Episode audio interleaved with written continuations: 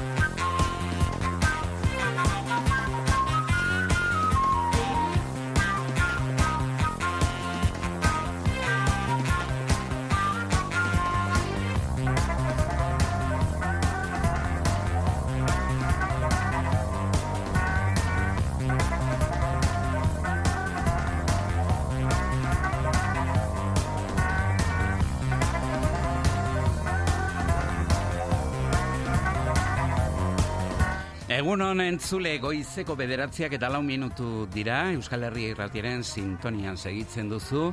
Kontrolean dena kontrolpean Igor Eskudero Otamendi, egun hon? Kaixo epeio, egun hon, ze moduz? Ongi, ongi eta zu, ongi, Ongi, ongi. ongi, ez ongi, bai, bai, bai, bai. Ongi, ibuprofeno, e, paracetamol, Biak, aukeran, biak. bai, Be, joaten naiz bai, alternatzen ez dakit. Zu- E, paracetamol asko hartu dituanean, iruditzen zait jazdiala ez ere egiten, eta ordan aldatze dut ibuprofenora, eta Bai. gero berriz buelta. Bai. Luizune Amatrea zabaltza, aukeran, Egunon, e, aukeran ez bata ez bestea. ez, Aukeratzeko aukera badut, bai, e, beharra badut, ba, ba As- e, minaren aspirina? arabera. aspirina, Ez, aspina ez, minaren arabera. aspirina infantil, goxoa zen, ez da? Bueno, E, niretzat bintzat, bai, ez, e, e, gu- nire kasuan, e, niri ematen zidaten goiaratxo batean, esnea eta azukrearekin. Eta hiruen artean, goxoena, goxoenak, esnea eta azukrea dira. Aspirina kendu dezakegu hortik. aspirina zuk ezagutu zenuen, Igor? Bai, bai, noski. Infantil. Bai. Baina hori gero, ez dakit, eh, ezen arriskutsua. Bai, bai, bai, bai. Aloro, eh? Aloro hori hartzen baldin baze- bazenuen disolbitu gabe edo... Bai, bai. Nik ezagutzen ditut ke- eh, gertuko kasuak non, ostras. Bai, bai. Eh, eta nahiko, hospitaleratu, eh? nahiko larri, Eta nahiko nahiko larri, larri, bai, nahiko bai, larri, bat bai. bateko, bueno, Bai, ultzera, eh? eh, edo buruko isuriak nik ere Ah, ere? bai, nik ere ezagutu dut kasu bat. Beraz, kontu. Gure kasuan goxoena eta e, gehien e, gustoko genuena dalsia zen. dalsi, baino gogoan daukazu baita dalsi. Nik ez Dalsia da ibuprofenoa, berez. Bai, bai, bai, Baina- aurrena, ez da? Bai, Hartu dalsi, eta utzi negar egiteari. Mutil. bueno, edo mina duzu eta tori dalsia. Oso ongi. Eh, Ez dut ezagutu hori, tio. Dalsi, ez daukazu gogoan. Ah, bai? Baina seguru dalsi, bai, jarabe gorri bat, eh, ez da? Bai, e, bai, laranja gorri kolorekoa eta e, likidoa. Bai, e, supositorioak ezagutu dituzu. Bai, tio. Bai, bai, eh? Horren oroitzapenak ez dira. Eh, orain eh, jartzen dira gaur egun, ere, supositoriak, bai, ez ez? dakit, eh, pesatzen dut. Dira, ez? Karo, hor gurasoak direnek eta Pena ez jakinen dugula Aritz Pascual gaur. Claro, hemen. claro, sobrau, gainonetarako, bai, bai. Esatzen dut, ez, ez, gaur egun e, supositorio digitalak izango dira edo batek baki, ez da? Bueno, aizu, e, 2,3 graduko lurrikara izan da eh, Bart, Iruñean, Iruña herrian, eta ez gara enteratu ere, ez da, hor? Claro, jode, mira, eske hemen ohituta gaude... Bai, bo, sei. Ia lau, lau eta piko hori zer da bi, esan nahi dut. Ez? Zen, zenba, zenbateko bi egoten dira hemen eta ez Bai, gara bai, hartzen, bai, ez? Bai, zortzireun lurrikara izan omen dira, Bart e, gauean, segulakoa. Zortzireun? Bai, zortzireun. Eta- Hemen? Bai, eta ez ditugu sentitu, aizu, 0,0 Ah, ah. bat, e, Nik Eh, beti galtzen ditut, eh, oso gogorrak diren horiek ere normalean galdu izan Bai, eh? ditut. Bueno, galdu edo, ez dakit zertan ari naizen, eta, eta ez ditut sumatzen. duela, duela lau hilabete edo izugarria izan zen. Orduan hasi da berriz enjambrea, e, lehen bakizu horri enjambrea ditu ziotela, ba, e, denbora tarte txiki batean lurrikara asko edo temblore asko izatea, Bai. ez? Lurrikara baino gehiago ja oso txike di- direnean eh, hor tembloreak dira. Bai, e, nilotan nengoen eta esnatu nintzen, eta ni esnatzeko, bueno, e, trailer bat e, pasatu behar da nire ondoan. E, beraz, bueno... Nia, ura, ba, ura oso handia izan zen, ia bostekoa. Bai, bai, bai. Lauta asko, ez? Gogorra izan zen, bai, bai, bai, bai. Bai, bai. Eta txikitan, gogoratzen dut, duela berrogei urte edo, denak karrikara jetxi ginen e, gau batekoa. E, bueno, Martian Azpiliko eta kalean, eta mundu guztia, mundu guztia kalean, eta gainera izututa. E, bestelako lurrikara bat ere sentitu dut gaur goizean. E, gure estudioak alde batetik e, ate handi baten bitartez terrazara ematen du, baina bestalde leio batek e, patiora ematen du, eta patio horretatik em, zetorren sekulako zarata eta mugimendua sentitu dut. Eta hau egia berdaderoa. Eta zer zen? Bueno, eh, bertara begiratu dut, eta mabigarren pisuan leioa zabalik persona bat oea egiten ikusi dut, oea mugitzen gainera eta gogoz eh, mugitzen eh, ongi, ongi gozalduta zegoen persona hori soinu bat entzun dut eta Zelako energia, ez? Aizu, Eh, sekulakoa eta pensatu dut gainera Goizeko zortzietan edo izanen zen, gutxi gora bera? ez baino pensatu, ez dut pensatu ordua goiz edo berandu zenik, baizik eta Oea egiten. Oea egitea, aizu. Sobrau. Ikaragarria iruditzen zait, ezta? Ez dakit. Bak, ez duzu erik e- oea egiten beraz. Bai, astean behin, astean behin, izara, iz, izarak aldatu, eta egun horretan, ba, egiten dugu nola behi. Egun horretan bai, bestela... Bai. Ba, Uh, ezingo nintzateke zurekin bis, Baina- bizipeio. Baina Ez, egunero ez. egiten duzu, eh? Egunero. Egunero. Egunero, noiz, eh, baina galdera da, e, ona etorri baino lehen? bai. E, nik beste pertsona batekin egiten dut lo, Eta beraz... berak egiten du. E, ez, egun batzuetan nik egiten dut, eta beste batzuetan e, Bai. be- beste pertsona horrek egiten du. E, mm, astean zenbait egunetan oean uzten dudalako lo e, ona etortzen naizenerako, beraz, e, bera barruan egonda oea egitea, ba, ba ez Baina gauza da, zuk egiten duzunean, Bai. eh, egiten duzu lanera etorri aurretik. Bai, bai, bai. Sobra, osea, hartze duzu denbora horretarako. Mira, gozaltzen dudan bitartean, edo gozaltzen dugun bitartean, aireztatzen dugu e, gela, eta behin aireztatuta dagoela, gozaltzen bukatu dugunean, orduan egiten dugu ea. Eta nik badut azalpen bat honetarako. E, etxeetan, e, hautsa egoten da, Bai, eta hauts hori e, ba, e, ditugun gauzetan, lurrean, oean ere bai, pilatzen da. Beraz, urrengo e, gauean, oera sartzen zarenean, baldin eta ohea egin ez baduzu, hauts horrekin guztiarekin eginen duzulo. Baina, Beraz, nik nahiago dut, estali, hautsa pilatu dadila, eta, eta ez dut etxea oso, ez, oso zikin, eh? Em, hau mm, toki guztietan gertatzen Bai, da. bai. Baina, E, ez- e, eh, nahiago dut, ba hori, estali, pilatu dadila Bai. goiko e, geruza horretan, eta nik lo egiten dut garbi-garbi barruan. Nik ere, nik ere estali hori erosiko dizut, eh, aizu. Baina ez duzu egiten. Manta, eh, bai, manta hartu eta harriaka. Hori bai. Funda bai. nordikoa Funda nordikoa, dutenek, ba, bai, pim, bai, pam. bai, badugu.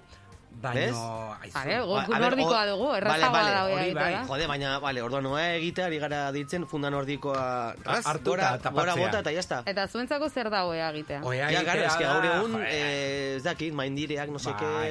errollo, ongi jarri, Bai, hori da. urkoak, plas, plas, ez dakit. Matxo maitia, ez duzu bat egin, zuen bizitza. E, leioa irekitzearena, bai, baino, biru lau minuturoekin aski edo edo amar minutu, amabos minutu, dutxatik ateratzeraino. Bueno, hori bakoitzak neurtuko du, ez? Gero usaimena hor eh, aldagai eh, bueno, ba, adierazgarria izan daiteke. Nik hori bai- Neurtzeko ze puntura arte aireztatu behar duzun gela. Ez dakiz ze gertatzen zera, niko izan ezin dezake sekula egin, ez doka denborarik. Osa, badoka denbora oso kalkulatua, oso gaizki kalkulatua gainera, eta ez daukat beste ezertarako betarik, osea, egin dut gozaldu, e, hortza garbitu, jantzi, no seke, eta etxetik atera bestela, eta lere ikusten duzu, osea, bi- en, enez puntu iristen, ia inoiz. Gaizki, gaizki kalkulatua ez, oso ongi kalkulatua, ez? Ez, Igor, al revés, osea, izan, izan marko nuke, bizka demora gehiago. Jarri iratzargailua bost minutu lehenago. Ja, jartzen dut, baina. Bai, baino, ba. A ber, hori da zerbait, e, funtzio- Atzeratzeari ematen diozu orduan. Ez, baina funtzionatu barko lukeena, Bai. nik beti hori, gainera jartze du pixka balenago, baina zer gertatzen da, badakidanez... Ez zarela iritsiko, ez? E, e, ez, ez, ba- badakidanez, e, pixka bate, ba, bos minutu beranduago jeikita, ja iristen ez zela, ba, apuratzen dion, Bai. eh? Naiz eta esnatu, bos minutu lehenago, eh? Begira, nordikoa baldin baduzu, eh? E, gauza erraza da, zan nahi dut, bai, ba, bada, e, nordikoa altxatzea, gora, goraino jartzea ez, burdikoa dagoen tokiraino, eta gero guk adibidez kusina jartzen ditugu gainean, eta listo, oe, aginda dago.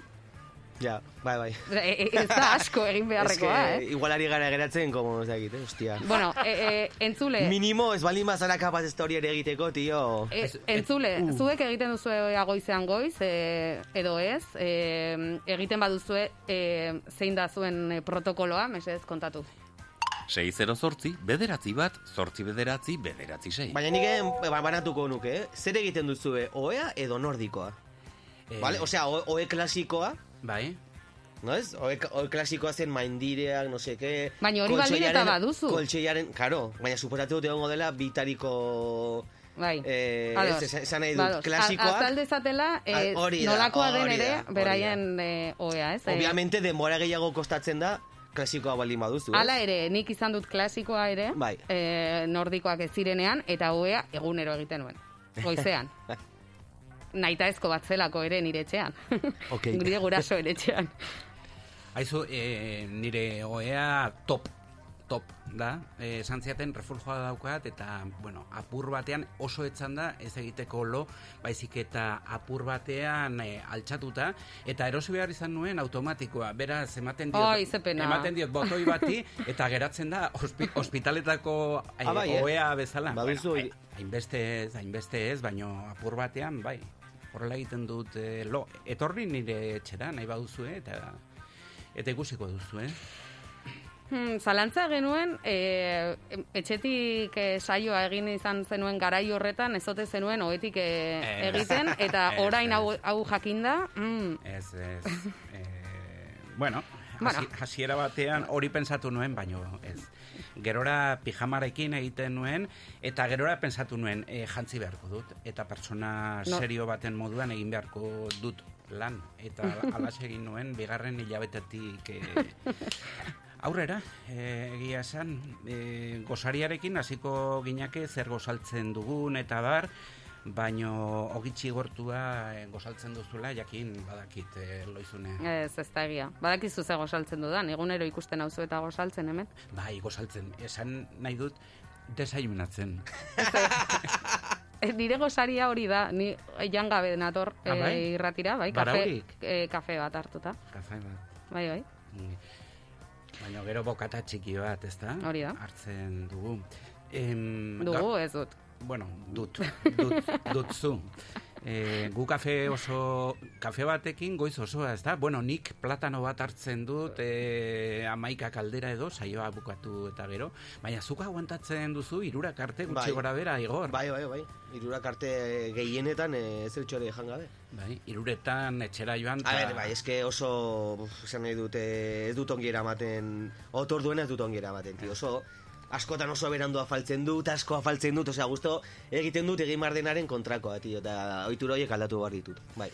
Ba bai, aktualitatea nondik nora, gaur, loizune, Gure entzulek eh, sumatuko zuten Aritz Pascual ez dagoela hemen, e, ostegunero bezala Nafarroako parlamentura joan da, gaur osoko bilkura dutelako bertan, goizeko bederatzietan eh, hasi da hori, bederatziak eta laurdenetan barkatu duela minututxo bat hasi da osoko bilkura.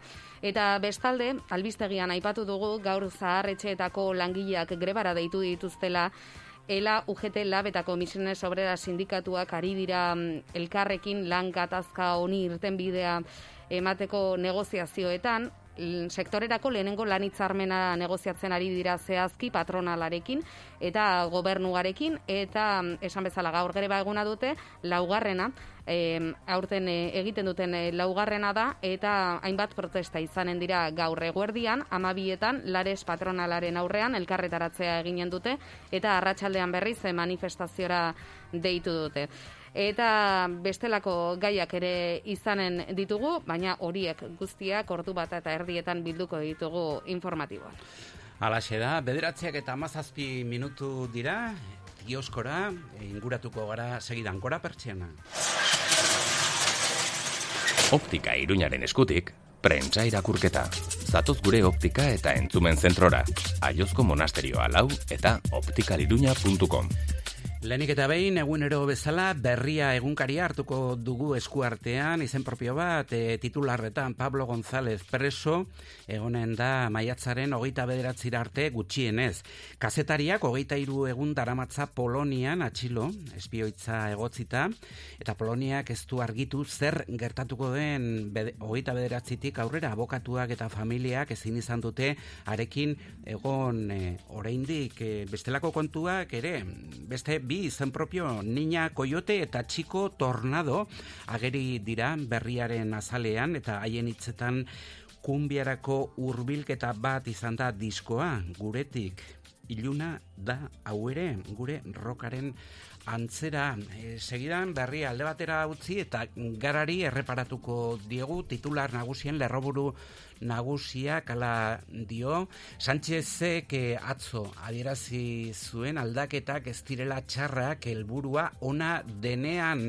Marokoko afera zari da noski. Eta e, hortxe ikusten ditugu e, esneko izleak irudi batean azalean garan eta sektorea bizi arazteko esnea bota beharrean. Horixe agertzen da argazki oinak eta Segidan hartuko ditugunak eh, Diario de Noticias eta Diario de Navarra.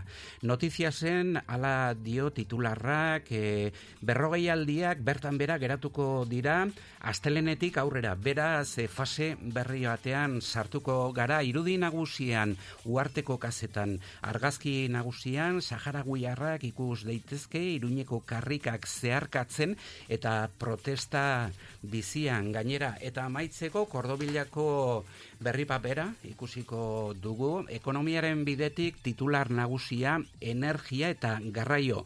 Enpresariak zutan Espainiako gobernua, gobernuaren kontra. Eta azaleko irudian hortxe ikusten ditugu esneko izleak ere tensioa elikadura kate horretan. Hori esek gaurko periodikoek diotena. Optika Iruña. Optika eta entzumen zentrua gure bezeroei zerbitzurik onena eskaintzeko egunez egun lanean. Optika Iruña Aliozko Monasterio Alau, Donibane Uzoko osasunetxearen ondoan eta optikairuna.com webgunean.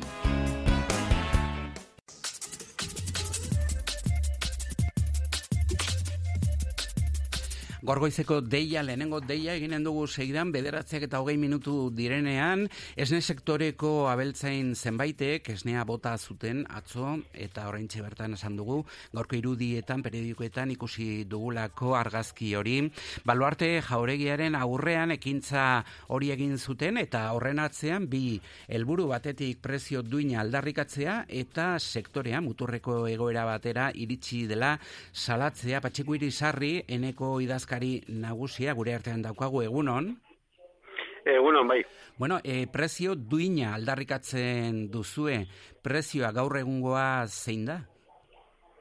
Ba, gaur egungo prezioa e, nekatzariari ematen zaiona, e, bere proteina eta estra guztiekin, ba, berroi sentimora ez da, ez da llegatzen e, kontua da, orain dela e, ba, bose hilabete, prezio hau e, oita amala sentimotan zela, hor e, prezioa igoin da, baino e, igoera hori e, ba, ez da antzematen batez ere e, pentsua e, 2000 eta oitik unat, eguneko largoita marra igo delako eta noski e, esne sektorean pentsua e, garrantzitsua da eta pentsuaren e, prezioak hainbeste igotzea ba ekarri du ba sektorean izan diren egoera oi igoera hori ba ezerrezerean e, gelditzea. Eta muturreko e, egoera da zeren atzo e, oierrek erraten zuen bezala esne sektoreko e, ekoizlera da bere geraten zura egoera ez dela, hemendik sei hilabetera, bi urtera zer gertatuko den. E, egoera da, urrengo hilabetean, nork segituko duen. Orduan, hortxe, hortxe koska eta horrengatik egin zen atzo ekintza hori. Ez da bakarrik e, zenbatean saltzen duzuen beraz, e, baizik eta ganadua elikatzeko erabiltzen duzuen zerealaren prezioa. E, Beneta berriro esaten duzue, administrazioari ez dio zuela eskatzen diru laguntzak ematea. E, zer eskatzen dio zue, beraz? Bueno, e, guk eskatzen dugu, e, ba, azkenian guk esnea ekoizten dugu eta e, horren e, prezio duin bat, eta horretarako badago e, erreminta bat, eta hori da elikadura katearen e, legea betetzea. E, hori betezkero, ba, ja, esnea ez genuen e, salduko 0 berrogeitan, salduarko zen 0 berrogeita bos, edo, edo 0 berrogeita amat. E, horrek zerren nahi du, horrek erren nahi du, e, e, konsumitzaileak, ba, ezin izango zuela esne bat erosi e, iruro eta bederatzi sentimoetan.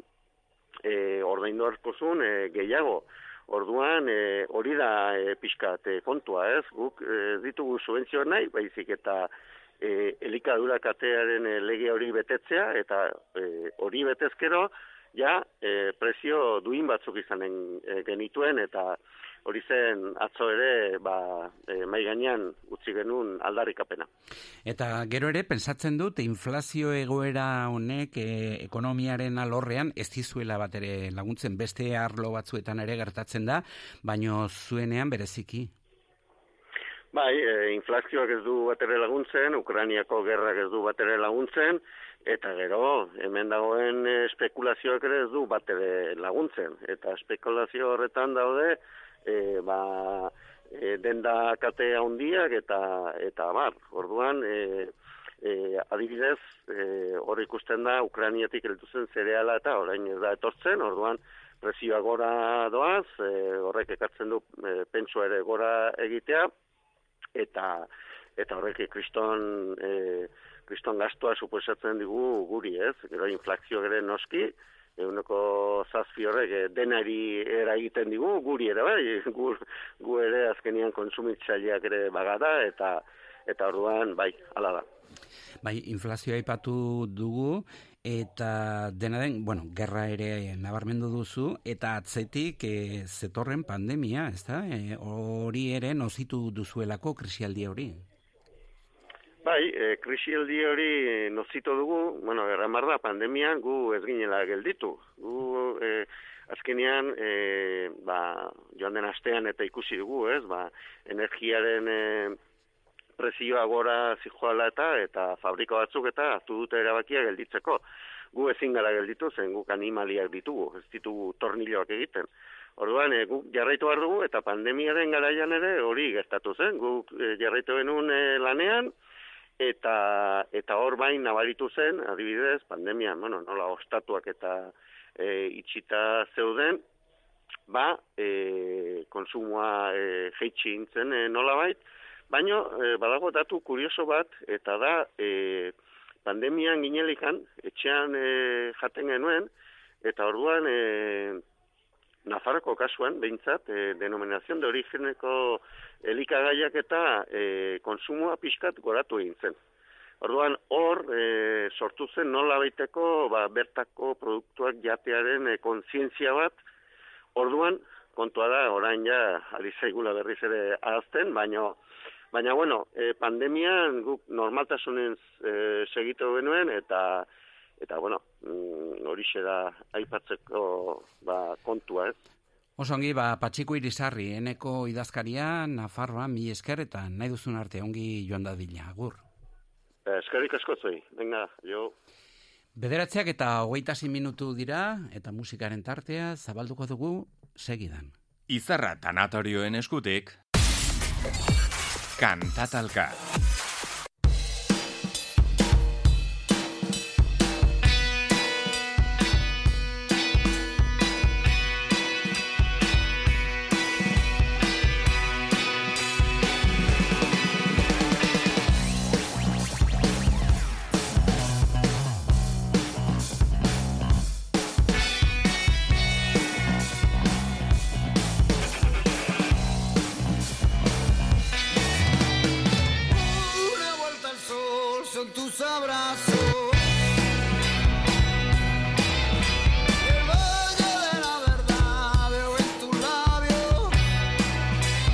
Aste honetako kantatalka honetan taldeen izen bitxiak ekartzean aipatu benuen hori izanen zela ari nagusia Igor Escudero, DJ Pike zer ekarri duzu? Ba, bitxien hau da, dudari gabe, ez dakit zer ekarri duzuen aste honetan, baina ez dago kompetiziorik horretan. Gero beste gauza bada, ea, entzulek botoak emango dizkioten abeste honi, baina... Manolo Cabezabolo ekarri nuen nik. Manolo Cabezabolo, zuloak eh, loik ez? Bai, eta aritzek Kalo- Carolina Durante Hori da. Hori da. Eta zuk Bale, ba, nik ekarri duan taldea, a ber, hau da, apuntatu, eh? Derbi motoretas burrito katximba deitzen da. Vale? Ezagutzen duzu, eh, ez? Eh, Nik ez. Ez duzu ezagutzen? Ez. Ez, ez. Ba, be- berriki nahiko ezagunak egin dira Las Leyes de la Frontera, eh, filmea ez dakit ikusi duzuen, ba, filme horren soinu banda egitegatik eta goiarako ere nominazio bat jaso Ah. horregatik. Andaluziarrak izan Bai, dira. Noski. Sevillakoak dira, eta beraiek esate dute egiten dutela kinkidelia, bale? Dela, eh, laroi garren amarkadako eh, kinki estetika eta filosofia, eta psikodelia, bale? Biak eh, batzen dituzte, eta horri jasatzen diote hori, flamenkoa, rock psikodelikoa eta eta egite dute horrelako, bueno, estilo propioko, ba, ez dakit, musika ez? Errepikatuko duzu izena? Bai, aloro, derbi motoretas, burrito kachimba. Hau da izena, eh? Osea, hau da taldearen izena. Ez dut loturarik aurkitzen eh, hitz bat eta bestearen artean. Nik ere ez, nik ere ez. Egia da, laro, larogeita, larogei garren amarkadan, derbiak eta motoretak, motoreta bizikletak Bai, mitiko bai. haiek, Bai. ba, bai direla nahiko garai hartakoak, baina burrito eta katximbak, bueno, jango dituzte burritoak eh, eta erreko dute, Eta erreko dute katximba, katximban. katximba, ez? Bai. bai. Ba, hau da nik ekarri duan taldea. Ez dakite, jende asko esaten du e, gu baino zarragoa den jendeak esaten du, ah, baina hau Medina Azarakoak ere egiten Mhm. zuten. Bai, edo Triana, edo... Edo Trianakoak adibidez. Triana, Triana bai dela pixka bat genero honetakoa, Bai, eh? bai, bai. E, kinki callejero, rock callejero honetakoa. Eta nola da, beste talde Andaluziar hori, Sevillakoa ere, duela gutxi zentralen egon zena, oker Eh, kalifato... Kalifato. Ez, baina hauek... Honek ez oraindik- dago zer ikusirik, Ez, ez, ez, hauek eh, experimentatzen dute askoz ere gehiago, eh, beste soinu berriago batzuekin. Oso, Bai. ba, entzun dezagun beste behin. Abestia, por cierto, El Valle. Cárgala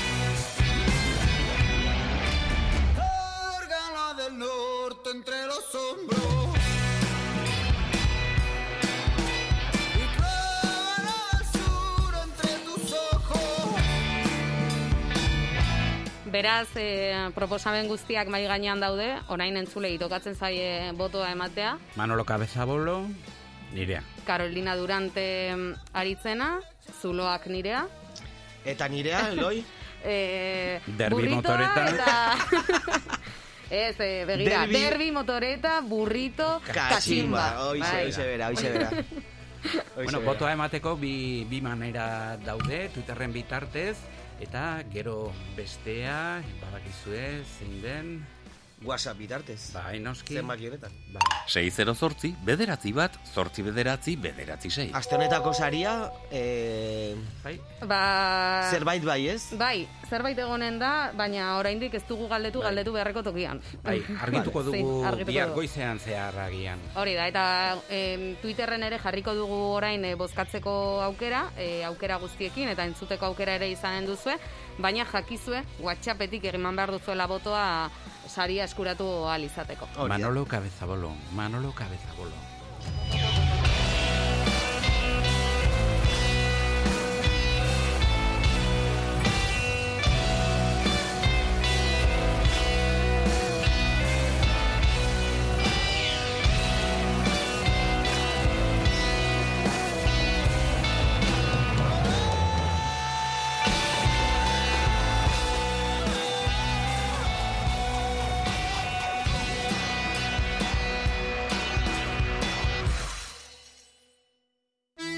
Izarra tanatorioaren eskutik, kantatalka.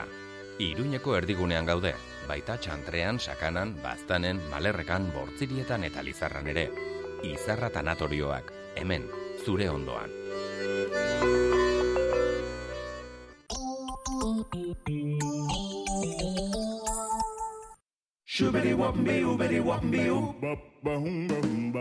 Bainuontzia dutxa bihurtzeko garaia iritsi da, larrarekin noski. Komunean eroso mugitzeko bakoitzaren beharretara moldatutako diseinuak egiten ditugu. Komun osoa zahar berritu edo bainuontzia dutxa bihurtzeko, kozinaslarra, mutiloako industrialdean eta kozinaslarra.comen aurkituko gaituzu. Badakizu kozinas larrarekin zure ametsetako komuna.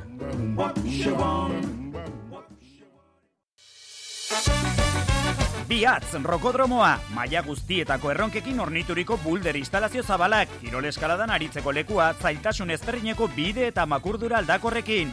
Adin eta maila guztietako ikastaroak, astapenekoak, sei urtetik gorako aurrentzakoak eta helduentzako entrenamenduak taldeka. Informazio guztia, biatz.com webunean eta sare sozialetan. Biatz rokodromoa, landabengo industrialdean gaude.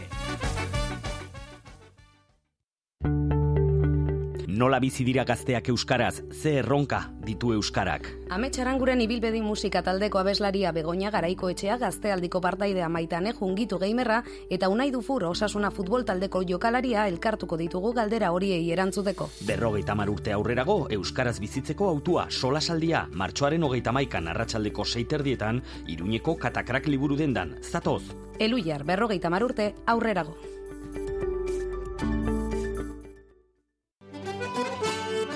Kooperatiba. Gertutasuna, etxetik edo ustiategitik bertatik ekoizle guztien esnea jasotzen da, txikiak naiz handiak izan. Kaiku kooperatiba gara. Irurteren ondoren bueltan da Doktor Deseo maketoen iraultzarekin. Martxoaren hogeita zeian tote maretoan izango da Francis bere taldearekin. Ez galdu aukera, sarrerak salgai, salatoten.comen. Iluntzero argia Thank you.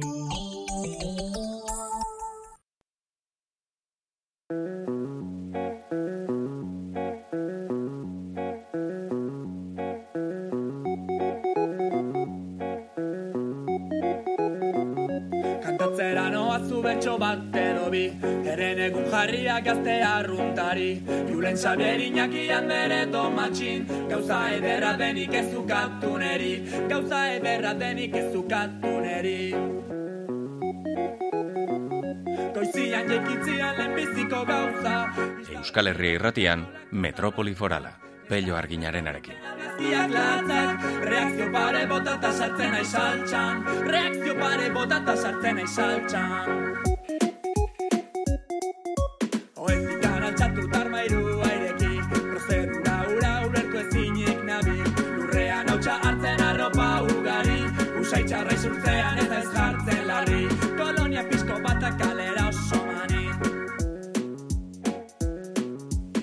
bat egiteko ez oso mantxo Zei kolektibo Jubilatua, literatura zalea, eh, idazlea baita, e, mendizalea, e, politika gertutik jarraitzen duen gizona, e, familian egotea gustatzen zaiona, aingeru epaltza egunon. Baita zure ere. Eta Xavier Leteren e, txilmafiaren bertsioa, ez da? E, gizon arruntaren koplak. Bai. Zuk ere maite zenuen Xavier Lete, txilmafia ez dakizen bateraino? Bueno, niri e, txilmafiak egiten duen guztia etzai gustatzen. Berba, xagerletek egiten zuen guztia ere zitzen gustatzen. Baina e, nik eh, baloratzen, jo, ikaragarri baloratzen dut, e, nola baitere, e, transgresio hori, transgresio nahi hori, nik uste dut importantea dela transgresio nahia, baina aldi berean, aldi berean zerbaitetan oinarritua. Ez? Da, Txilmafiakoek egin dute, bueno, ba, ez dakit aita hil duten, baina bapatean aitatxi, Xavier, Xavier Leter, eh, kasu honetan, berenganatu dute. Eta eh, haren gainean egin izan dute bertze zerbait. Jo, hori karagarri importantea da. E, tradizioa eta transgresioa oso hurbil daude.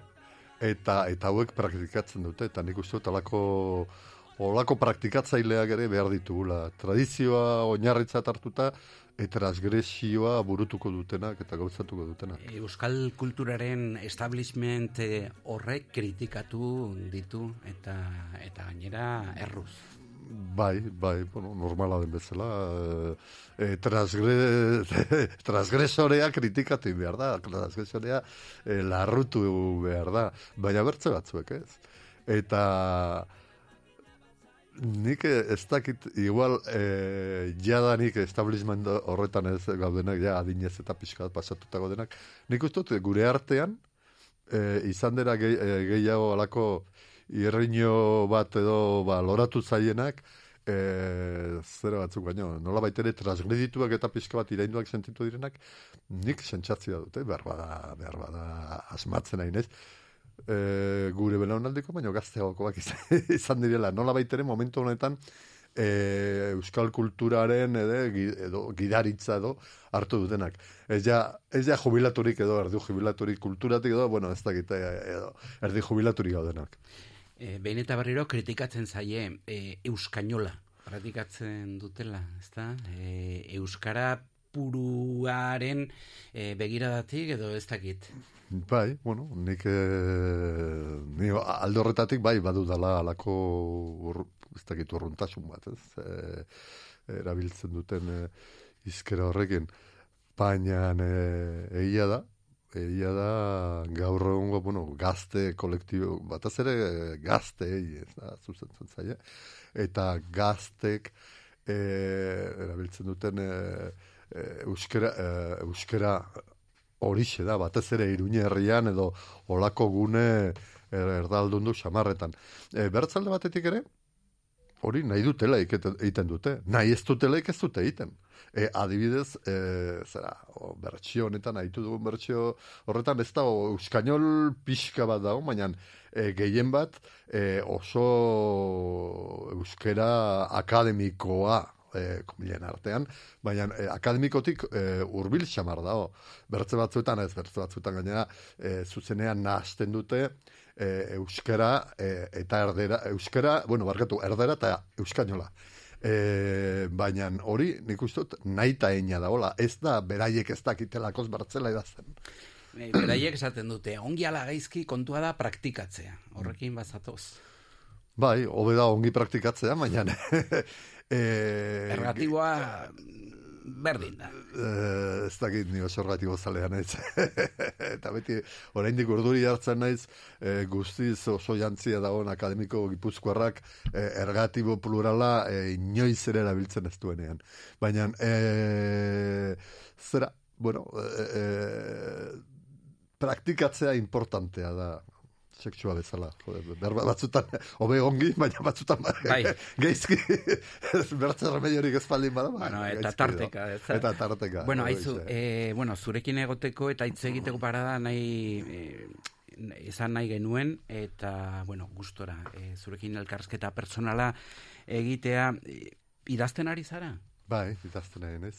Idazten ez eta e, zurazki bukatu baino lehen e, novela bat, e, nire novela bat aterakoa. Orain lasaiago, ez da?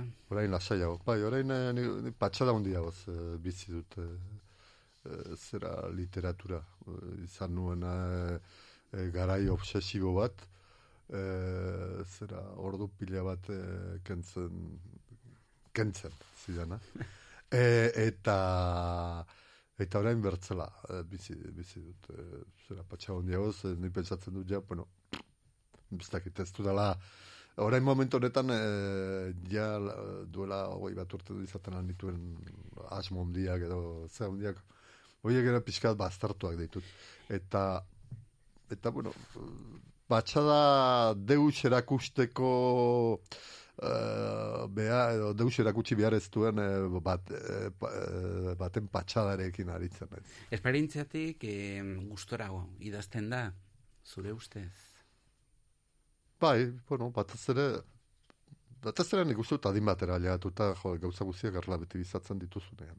Eta orduan, e, e, horrek ematen dizun, e, ez dakit, jakinduria, e, izan dia potolo egia izan daiteke, baina, bueno, horrek ematen dizun, nola baitere, zera motxila, e, betetzen duzun motxila horrekin, bueno, ba, ba, nik uste, bai, batzutan horretan da, motxilei gabe batea gobe, ez, eta deskubritu, dena deskubritzea, bueno, ez dakit dena deskubritua dudan, segurazki ez ez, eta uno deskubritzitu gauza barriak baita bai. literatunan, ere. E, deskubritu duzu koronavirusa, bi urte hauetan, bizita egitera joan zaizu etxera?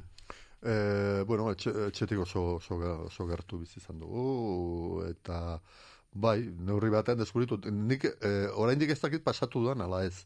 Nik susmoa dut, susmoa dut, eh, pasatu dudala, egun txar batzuk izan dituen abendu hasieran.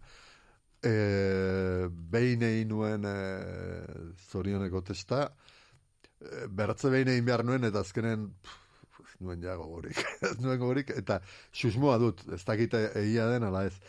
Eta, baina, claro, hori ja bertze garai batzuk ziren, e, hiru aldiz bakonatua, e, zera, ez ziren, ez zen lehenbiziko, lehenbiziko hilabetetako e, kezka etengabe hori, kezka behar bada ez, ez, ez, ez negatik edo, ez baizik eta, bueno, ba, ba, familiako xarren, xarrengatik. Kutsatutakoak inguruan aipatu duzu, e, Bai. negazionistak ere guztiok ditugu inguruan. E, Bat edo bat ezautu izan dut, bai. mezu, eta mezu bat, edo e, pereza handia dagoeneko. Bueno, pereza handia, gainera kasuren batean, jo, benetan maite eta eta respetatzen dudan e, pertsona. Eta, eta bueno, oraindik harritua nago, oraindik harritua nago, e, baina ez dakit, ez, ez dakit zer, zer erran dezakeen, e, hau da, argitaratu den guztiarekin, e, ez dakit, erran izan den guztiarekin, eta segitzea, e, ezezko hortan, harritu, harritu nagoen kontu bat. Baina hemen, bueno, Euskal Herrian, eh, mundu guztian, gero ikusi du, eh, badago alako, ez dakit, eh, disidentziarako, e, gaina liburuen bat badago horren gainean.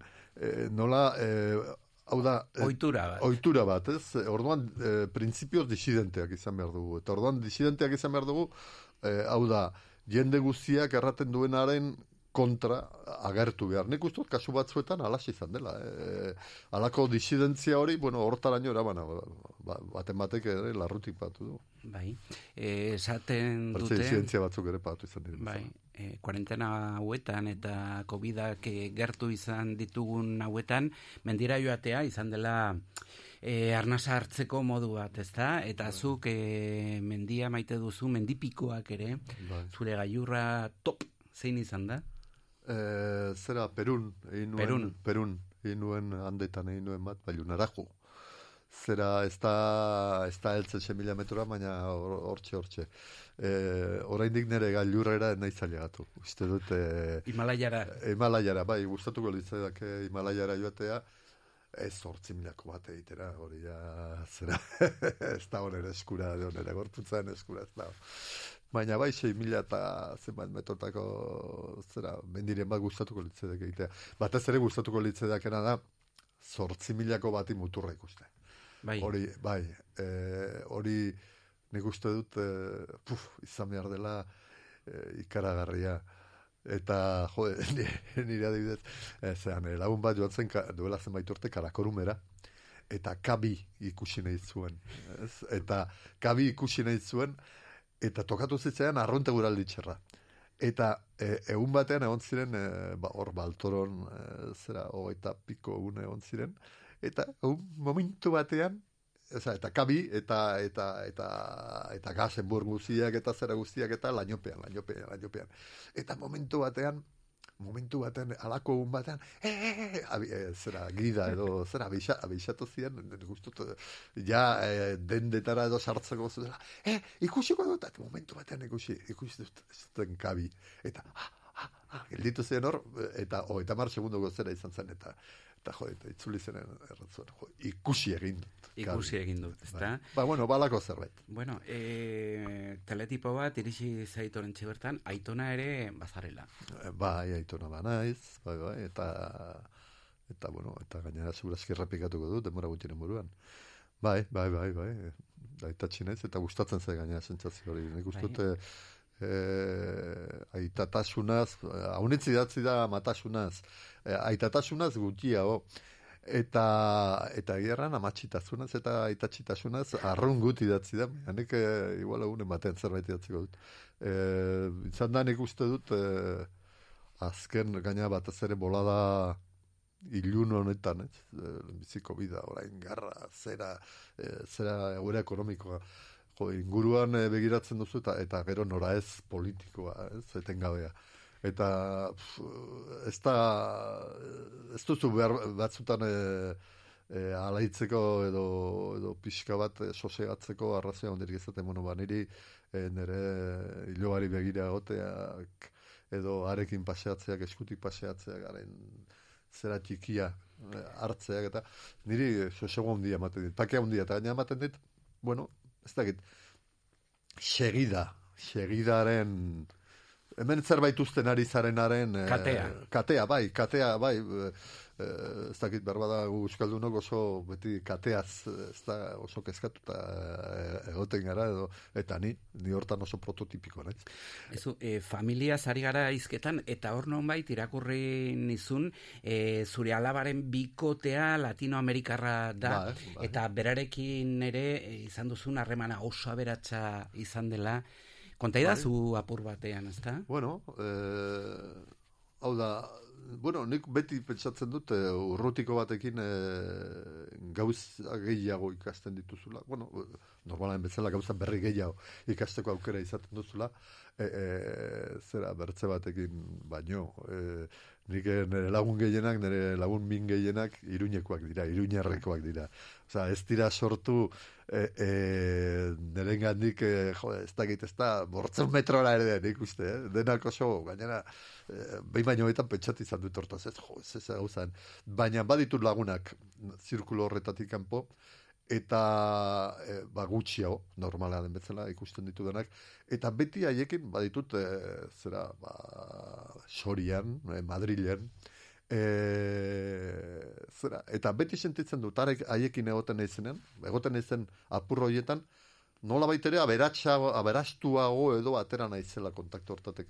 Bueno, ba, nire e, e, suiarekin nire pixka bat e, hori izan da, ez? Bueno, e, e, bueno, ezagutu dut herri bat, ari esker ezagutu dut Peru, e, eta, eta handeak ere ezagutu izan ditut, e, ari esker, eta hori benetan, herri karagarria iruditzen zait.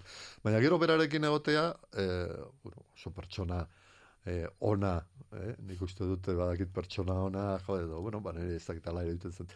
E, izatea zaparte, e, jo, haren ikus moldeak, hau da, arek nola ikusten gaituen, nola ikusten gaituen, e, gu familia, e, eta, baina baita, multzo gisa edo, ez dakit, herri edo gisa, eh? Eta zer dio?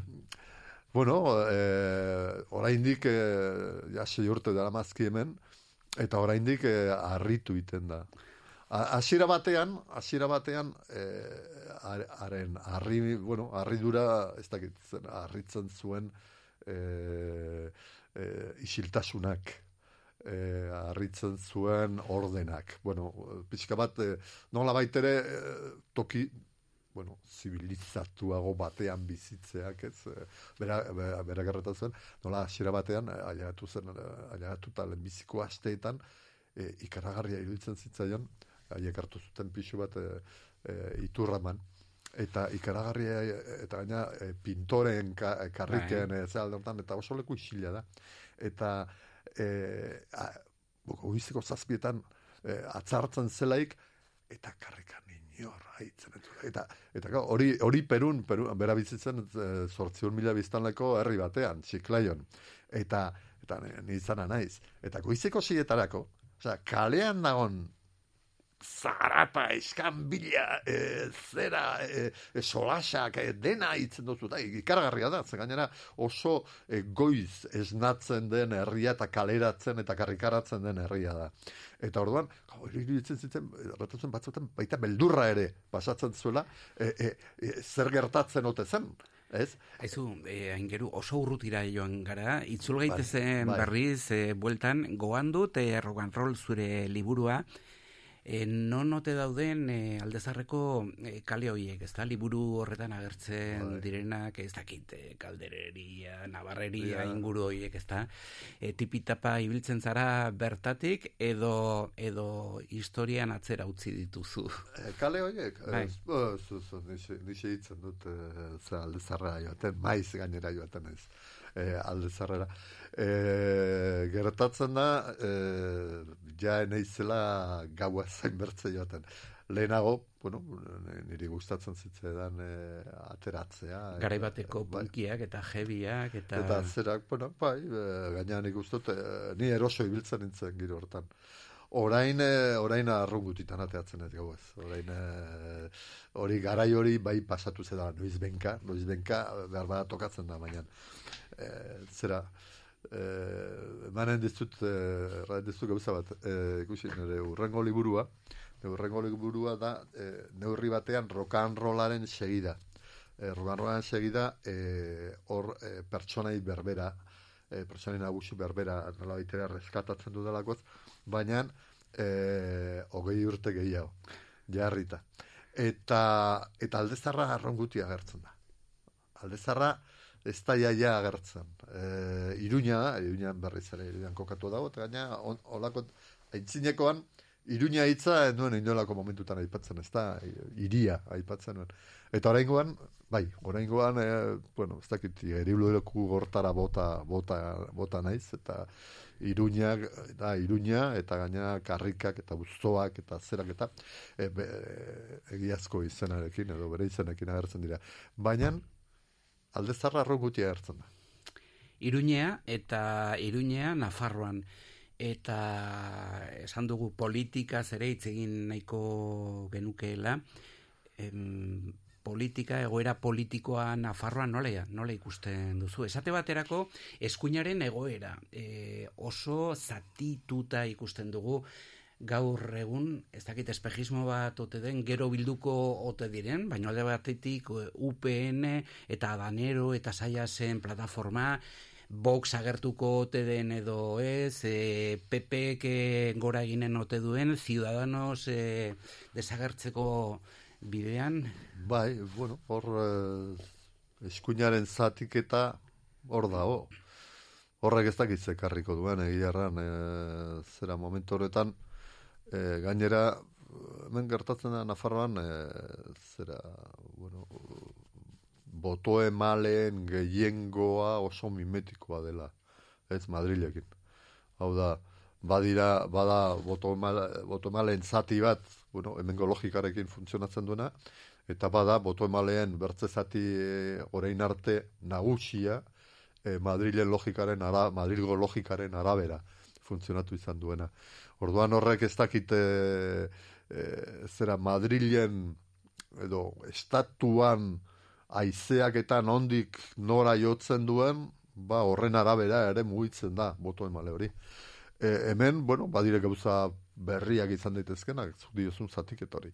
E, zatiketa horrek, bueno, zatiketa gerta daiteke, bai, e, zera, eta segurazki, e, segun azkenean zenbat, zenbat e, formazio edo zenbat alderdi aurkezten diren hauteskundetara, ze hori inkognita bada, izan litezke bi, izan litezke iru, izan litezke lau, izan, e, jaia aukera guzia, gerta, gerta liteke PP, UPN, Adanero, Saias eta Vox izatea, edo gerta daiteke, haien arteko bertzlako e, konponketa, konponketak eta igual Navarra suma izatea beratze zerbait. Bilduko dira bilduko dira, nik uste, nik uste baietz komeni zaielakoz. Baina momentu honetan, dena dela, e, garbi dago, espartzak egiten duen apustua, apustu berria, e, apustu berria da, da, e, PSN-erekin gobernatzekoa. Zein da PSN-eren apustua? Nik momentu honetan, enuke apusturik eginen. Ez baitago bat ere garbi. Eta e, ja nola batzuk Madrilean ja ipatzen hasi diren, ez? Koalizioa hundia, koalizioa hundia, zein PP, PSOE, Euskalo hemen ere, koalizioa hundia ezotu dugun ikusi. Alemanian bezalaxe, ez da? Bai. Em, gaur egungo gobernua, zer iruditzen zaizu, abertzaleak, alde batetik, abertzale moderatuak nola baita esateko, eta alderdi sozialista eta bere ingurukoak. Jo, nik uste sozialistek nola baitere kapitalizatu dutela gobernua, kapitalizatzen ari direla gobernua. E, geroa bai gorriak eta beltzak ikusten ari dela nola baitere bere itzala usteko, e, e, zera, ez dakit, ezkerra bertzalea ere hor dago, ez dute nik benetan, pf, hasiera batean, e, ni pentsatzen nuen, bueno, ba, ba, ba, ba, ba, ba, ba, hobe, holako zerbait, e, zera, e, azken batez alternatiba okerra balitzatekelakoz.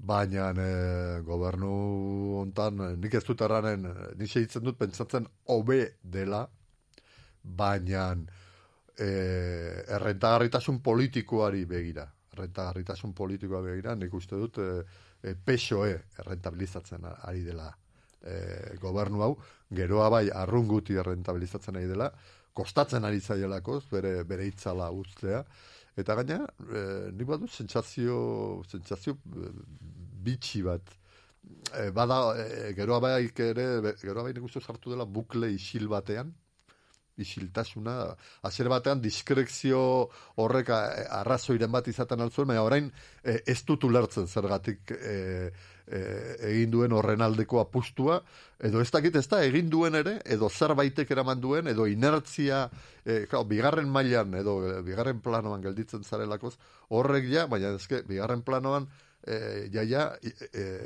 deus estasun bisualera, ez, pasatu da. Aizu kazetaria ere bazara, hogeita hamar segundo besterik eh, ez ditut eh, bi titular nahi ditut. eh, Euskara eta Euskarari buruz eh, alderdi sozialistak duen jarrera, ezta? E, kritikatu dituzu eh, behin eta berriro e, bi hitzetan e, atzeragoaz e, Jo, ez dakit atzera guazen, baina aurrera, ez guaz aurrera. Hau da, e, PSOE ez da mugitu. Ez da zentimetro bat ere mugitu. Hori ikaragarria da. Mila esker gurekin izateagatik, elkarrizketa pertsonalaren tartean aingeru epaltza, plazera izan da, abur.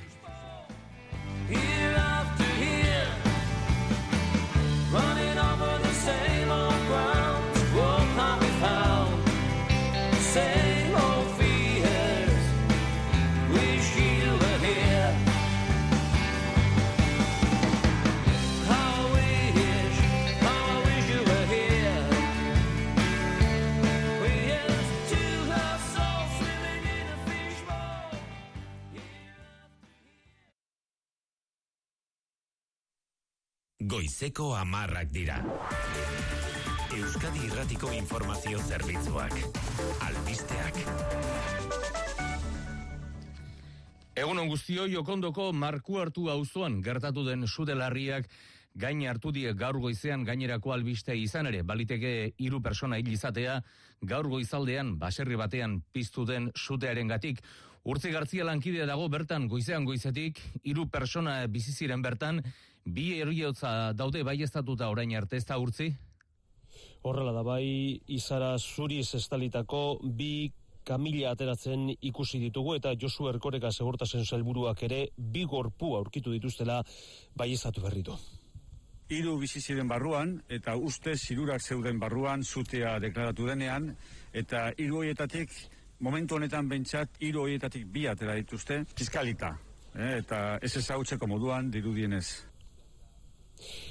Herrian bertan esan digutenez, hiru nebarba dira, zuteak eh, edo zute zua zer eragin duen ez dakigu oraindik, eh, zuhiltzaileak ikerketa abiatu dute. Ramiro González Arabako aldu nagusia eta Irma Bastera lurralde horka diputatua ez behar gunera iritsi berri dira.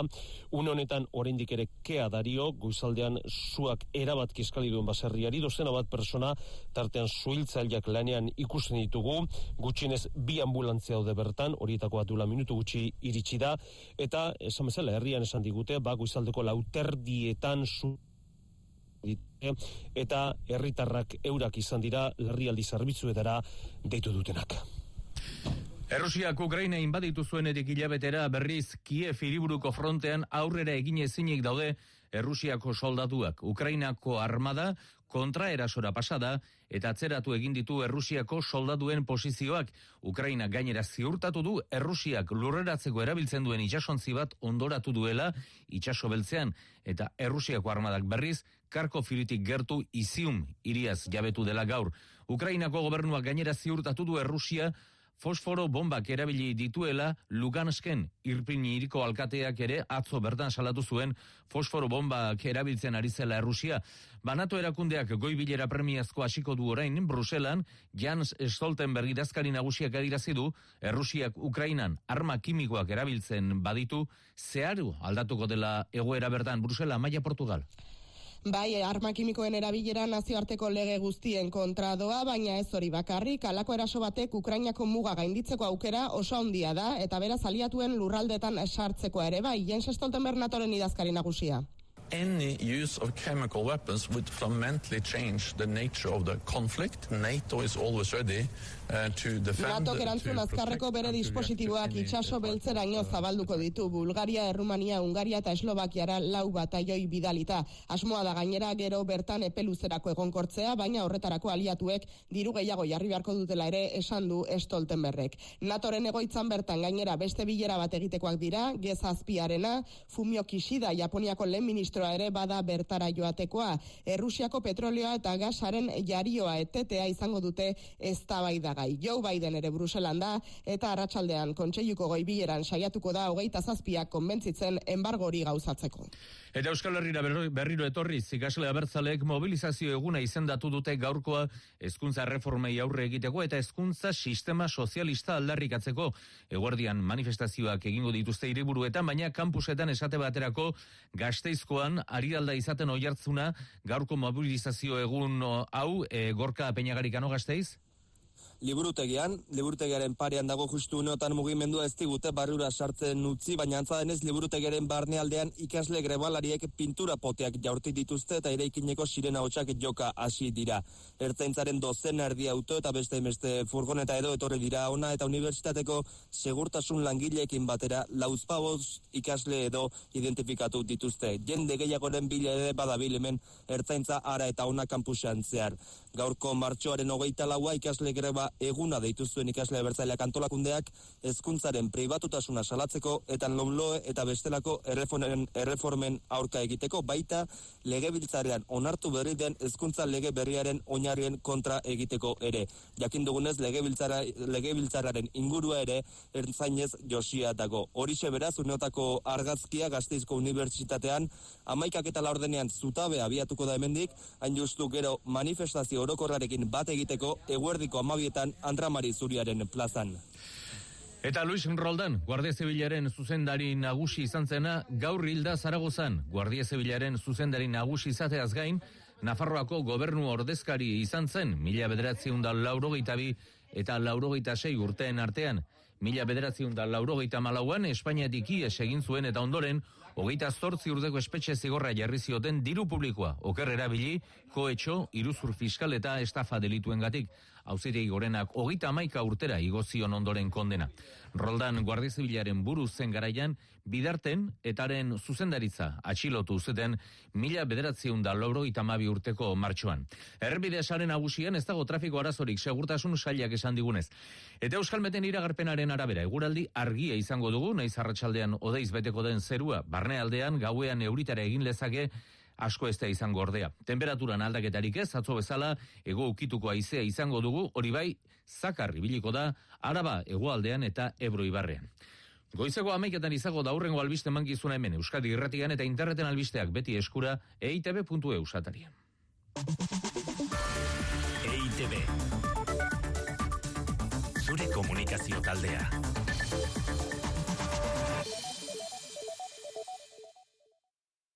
Euskal Herria irratia, FM, larogeita emezortzi puntu iru. Ozen denok, eman bide Euskal Herria irratiare! Euskal Herria irratia. Inkestagile galdetzen badizute, esan ozenki Euskal Herria irratia entzuten dut eta arronago. Egin dezazun bidea.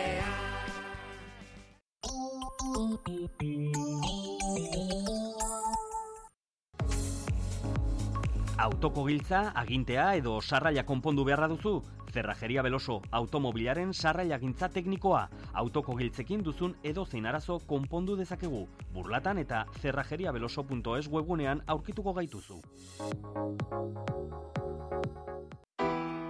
Mundu Karrikirik hogeita bost urte, maiatzaren zazpian larun bata arratsaldeko zortzietan, baluarteko kamararetoan anari. Sarrerak irubebikoitz baluarte.comen.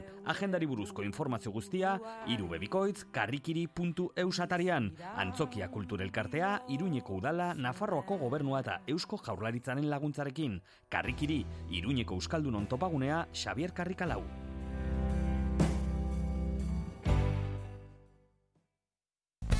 Orain zerbitzu berria, telemedikuntza teknologiarik aurreratuena zure eskura. Erretinaren patologiak prebenitzeko begia aztertzen dugu, baina orain begininia dilatatzeko tanten beharri gabe, azterketa pertsonalizatua. Optika Iruña, Aliozko Monasterioa lau, Donibane auzoan eta optikairuna.com webunean. Egunero gure ibaietara jaurtitzen ditugun ondakin plastikoek kalte handiak sortzen dituzte. Iruñerriko mankomunitateak udal merkatuekin lankidetzan plastikeria irekiko du larun bat honetan hilako hogeita sei ermitagainako merkatuan.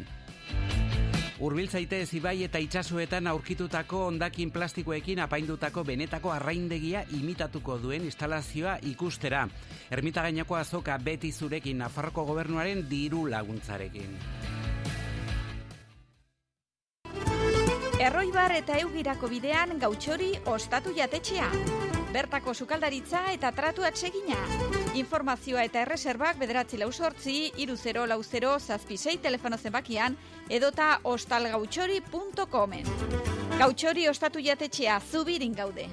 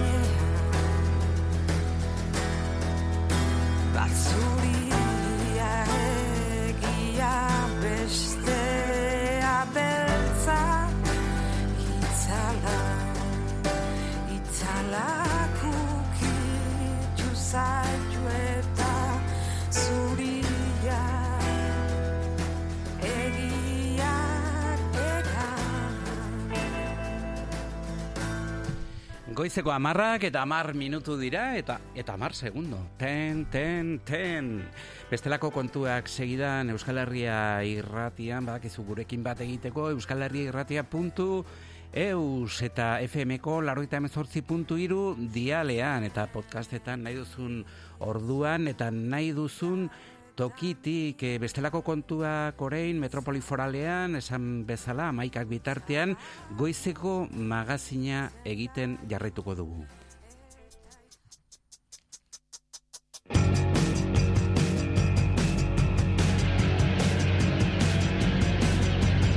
Metrópoli Forala.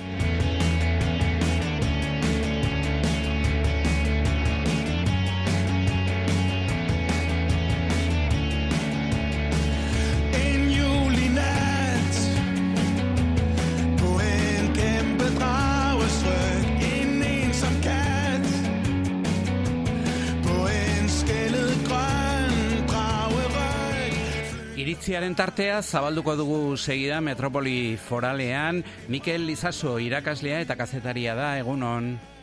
Egunon, bai. Eta egun hauetan, gure mugetatik aratago begira ari gara Maroko, Sahara, Espainia, e, mapa horretan non kokatzen duzu zure iritzia, Mikel? Bueno, eh, nazioarteko eh, batu duzun testu inguru horretan, eh, egin batean baita ere parekotasun batzu badaude Ukraina eta Errusiarekin gertatzen ari dena eh, parekotasunak badaude, ezta? Eta horre aipatzearren, ba, bueno, Maroko badakigu eh, hor Espainiarekin nola eskutuko akordio bat eta itxi den, eta ze kalapita sortu duen horrek, zean abasa sortu duen, eta eta hor badago alako hausnarketa bat, ez? Nire ustez e, Maroko egin batean ere e, une honetan e, Estatu Espainiarra ez dakit erasotzen, baina baina baldintzatzen ari da erabat e, bere politika. Eta eta horretarako ba, arma ba, zuntzipena e, handiko armak erabili berrean, ba, beste arma bat erabiltzen ari da, eta da etorkinen afera, ez da? Horre, guztu du, edo migrazio, barkatu migrazioaren afera, ez da? Horre, ikusi genuen, uen dela hilabete batzuk, nola e, ba, erabili zuen arma hori oso modua egerikoan, eta eta orain badirudi, ba, arma hori ez erabiltzaren truke, ba, Espainiak amore manduela hainbat kontutan Sahara dela, eta. Dena den, e, Marokok berriz ere zabalduko dugu zabalduko du atea, ezta? Asarretzen bada Espainiarekin eta hori gerta liteke. Horregaitik hor badago nere ustez e, txantaia elementu bat, ezta? Gainera, e, egin dut parekotasun hori arma bereintzako hori da agian ezin duzte e, misil termodinamiko hauetakoak eta eta eskuratu, baina baina horlako armak erabiltzen dituzte esan dudan bezala baldintzatzeko beste estatu baten e, politikak eta jarduera, ezta? E, baina hemen ez dakit, nik uste goendikan e, hor badagola elementu bat e, askoz ere ba e, zitalagoa dena, ez? Eta da ikustea nola e, alde batetikan beraien e, iritarren ba, e, ba, oberako bizitza eta ez duten errespetatzen, ezta? Eta gainera hori nola erabiltzen duten e, arma gisa kanpora begira, ezta? Alegia, horre azkenean halako bi irten bideko joko bat egiten dute, alde batetik aurrezten dute ba, bueno, baliabide eta diru pila bat e, beraien hiritarren beharrak esasetzeko eta gainera erabiltzen dute kanpora begira, ezta? Orduan, ba, irutzen zait benetan e, e, zitala dela e, jokatzeko modu hori. Aizu, eta Espainiak behin eta briro esaten du, aitzakiatzat e, jartzen du, ezta? Marokorekin egin dugu akordioa besteak beste herrialde Saharaguiarraikin e, autonomia akordio bat egiterako pres dagoelako. Bai, baina suposatzen da, eta bai, eta beti guen denen ahotan dago nazio batuen erakundeak e, e, iritsitako edo bertak jartzen diren e, alako erabakiak eta ez, baina bueno, nazio batuen erakundeak argita garri utzi zuena zen e, Sahararen e, autodeterminazio eskubidea errespetatu behar dela. Eta hor, hor tartean e, beraiek erabakiko dutela, ea nahi duten autonomia bat izateak e, edo, edo nazio azke bat izatea nahi duten, ezta? Eta hemen jadanik hori e, ikusi dena da, erabat zapustu dutela. E, Zeratik, beraiek erabakitzen, momentu honetan Maroko eta Espainia erabakitzen ari da, e, Saharak zer izan behar duen. Eta, eta horretan, e, ba, nire ustez, hor e, Espainiak berriz ere, e, agerian utzi duena da, Europako batasunak Errusiaren aferan utzi duen bezalaxe, ba, izugarrizko hautasuna. Eta, eta, eta hor, eta gero ba beste guztia da ba opari baten opari papera jarri eta eta e, eta nahi duzuna baina argi dagona da hor azkenean beraiek e, horren beste aipatzen duten nazio batu erakundeen erabaki hori ez dela ez dela aintzat hartu. Dena den bestalde batetik ere ez da osongi ulertzen. E, Marokon egin duten mugimendu hau Espainiak egin duen mugimendu hau em, besteak beste Argelia, eh, Argelia baztertuta egin dutelako, ez da? Argelian bai. dira. Bai, hemen azkenean e, poliedrikoa da dena, ez da? Batekin adosten bali maduzu zerbait, beste norbait azarratzen duzu generalean, ez Eta gero gaza, gaza bertatik atorkigula.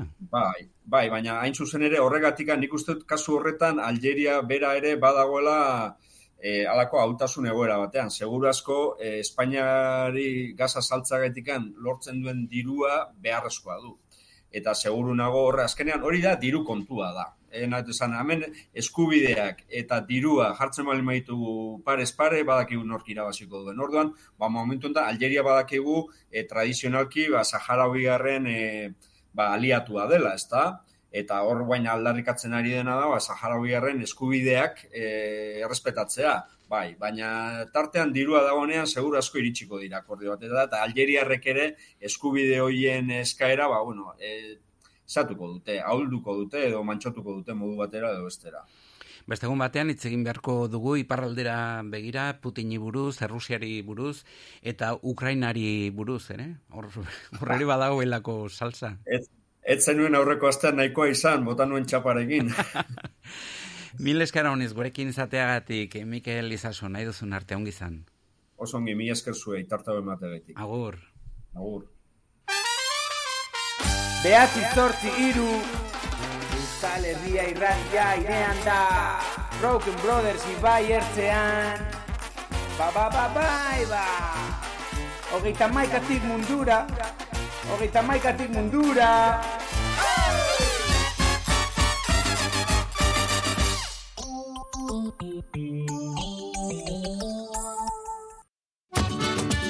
Hitu, mundu zabaleko usain kolore eta soinu guztiak. Hitu opari den da Merkader Eskalea, Iruña. Emakume sortzailea zara eta nomada izan nahi duzu? Nomada gaitun, dinaguren azoka ibiltaria Iruñeko geltokira iritsiko da apirilaren hogeita marrean larun batarekin. Parte hartzeko aurre inskripzio horria bete behar da martxoaren hogeita zazpia baino lehen, karrikiri, laba edo dinaguren sare sozialetan edo webguneetan. Parte hartu eta izan nomada.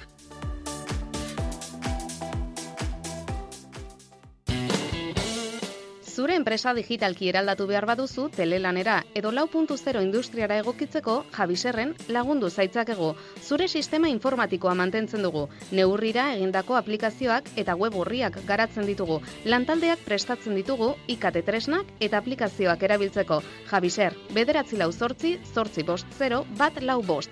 Zehaztu dezagun nola lagundu zaitzakegun.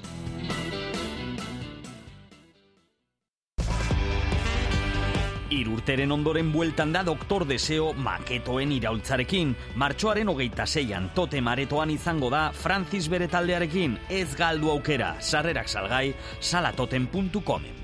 Iluntzero argia Noainen, serreria espartza. Zurdindegi eta ebanisterietarako hornikuntza. Altzariak, eskailerak eta upelak egiteko askotariko zura. Gaztainondoa, gereziondoa, lizarra, informazio gehiago serreriaesparza.com webunean. Gure berezitasuna, aritza.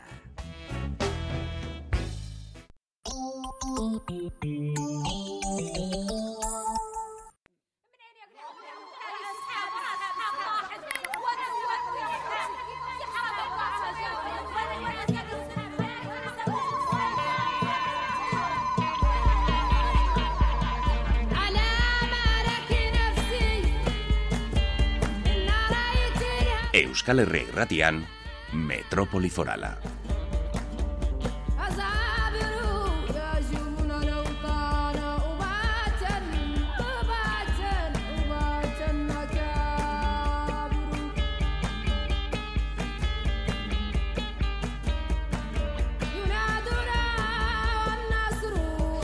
Gure mugetatik eh, aratago begira jarraitzen dugu eta berriz ere Saharari buruz hitz egiteko Mikel Izasorekin egin dugun bezalaxe eneko gerrikabeitia mundu bat fundazioko kidea egunon. Egunon, bai. Bueno, nola ikusten duzue mundu bat fundaziotik Saharan gertatzen ari dena? Hementxe, Sahararen autodeterminazio eskubidea aldarrikatzeko atzo elkarretaratzea izan zen iruñean, dozenak alagun bildu ziren, eta Saharako herriaren autodeterminaziorako eta independentziarako eskubidea aldarrikatu zuten zuen ikuspegitik. Nola erreparatzen diozue afera honi? Ba, gure begietatik ba, oso txarto ikusten dugu egoera hau, traizio bat moduan ikusten dugu, hau da, e, ez du zoilik Sahararrek Marokoren barruan duten autonomiaren alde egiten. Hau da, dinot, Marokok mendebaldeko Sahararako egindako autonomia proposamena babesten du Espainiako gobernuak e, adierazitako e, e, bere e, zentzu horretan. Eta oso orduan, e, nolabait esatearren e, Espainiako gobernuak babesten du Mar Marokoseko e, erreinuko hartutako erabakia. Hau da, ez du e, ontzat e, ematen e, oindala aspalditik eraba, e, nazio batuen barruan erabakitako e, ebazpena. Aizu eta erantzunkizun historiko, juridiko eta politiko hau ezagututa, zergatik egiten du Sánchezen gobernuak e, mugimendu hau, ezta? Berrogei urte eta gero. Ba beitu, egun hauetan gure kide batek e, idatzi e, idazki bat e, bota du esanez real politikan, real politik hori zertan datzan, ezta? Lehenengo egunetan ikusi dugu ezelan zapaterok e, egin dituen adierazpen batzuk egunkari batzuetan esanez e, todo lo que no es real política no es política.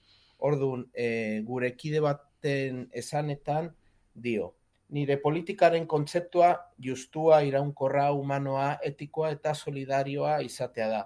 Baina esperientziak erakusten digu termino horiek postureo politikorako baino ez dutela balio errealitatea bestea baita realpolitik. Eta realpolitiken aurrean, hau da, oindala e, irurogei urte baino gehiago, realpolitik hoien aurrean, nazio batua, nazio batuen erakundea sortu zen, edo armagabetze nuklearrerako edo ingurumenaren kontserbaziorako konpromisoak besteak beste. Hau da, bakoitzak bere aldetik, bere interesen atzetik badoa, bazken finean realpolitika bihurtzen da, dazken finean aman komuneko konpromisorik ez, ez du ezartzen.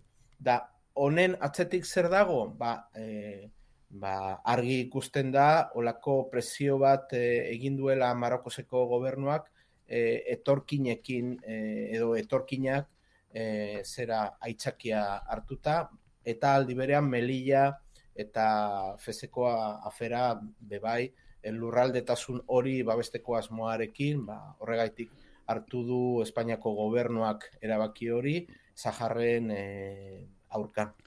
Mundu bat deitzen da zuen fundazioa eneko eta globo osoari erreparatzen diozue Saharazari gara, baina nahi bauzu iparraldeari ere begiratuko diogu eta real politika horren kontzeptuari eutxi ze Ukrainan eta Errusian eta hor gertatzen ari den gatazka gerra horretan real politika, ez dakite, Europa aplikatzen ari dena, NATO aplikatzen ari dena izan daiteke, zer diozu?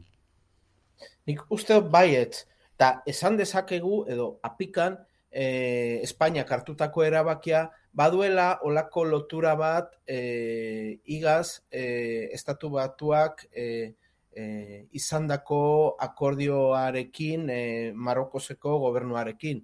Hau da, e, igaz e, estatu batuak e, onartu zuen Marokoseko jabetza e, Zahar lurralde, lurralde horretan. Eta horren truke, horren truke apika e, NATO, NATO izan daiteke ba, olako tresna bat nun e, Espainiako gobernua erosoago senti, sentitu daiteke. Ordun, ni, horret, e, horretaz aparte, bai, ikusten ari garena da bakoitza bere aldetik doala eta oraintxo arte izandako esparruak, e, aman komuneko esparruak, e, nazio batuak edo, edo, edo baita ere e, zera Europar batasuna, ba, igual olako beste begi batzuetatik e, ikusi beharko genukela, ezta? Eta eta horren aurrean ba, o, olako aldatze bat e, e, ze, al, al, aldaketa bat egon beharko e, e, litzake. Oso ongi, ba, eneko gerrika beitia, mundu bat fundazioko kidea, mi esker, eta nahi duzun arte ongi izan agur. Mi esker zuei, bai, agur. Zure negozioari bultzada eman nahi diozu? Ekitaldi baterako deia zabaldu nahi duzu? Jarri iragarkia zurean, gurean, Euskal Herria irratian. Idatzi, publi, abildua, euskalherriairratia.eus elbidera. Edo deitu, bederatzi lau zortzi, bat zazpi, 0 bat, bost bat, telefono zenbakira. Publizitatea bertatik bertara.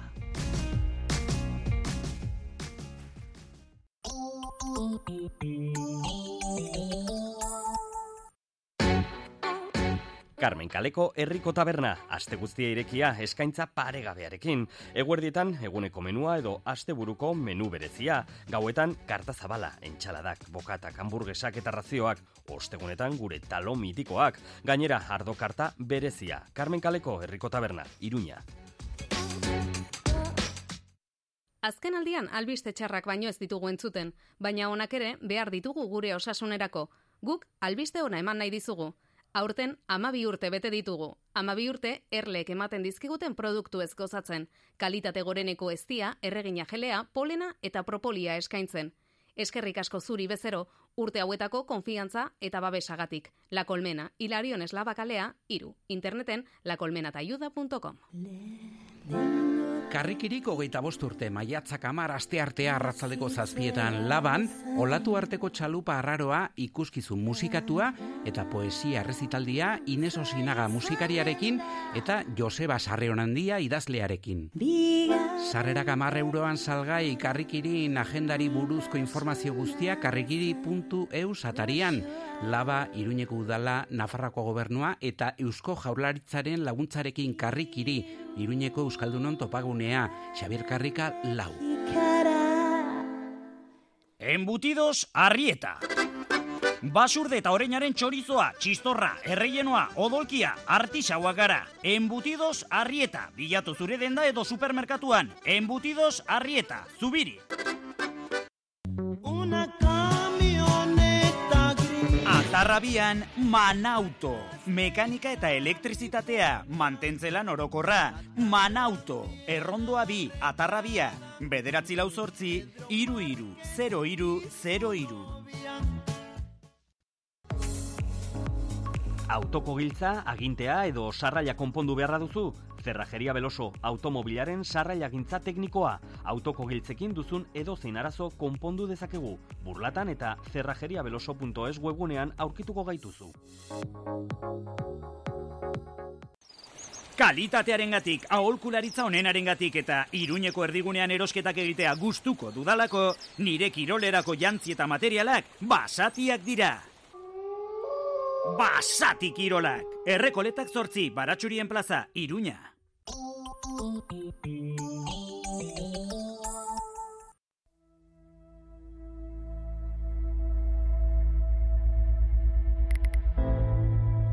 Ez dakite non gauden Ezkutatu gaitezen. Etxe horretzatuta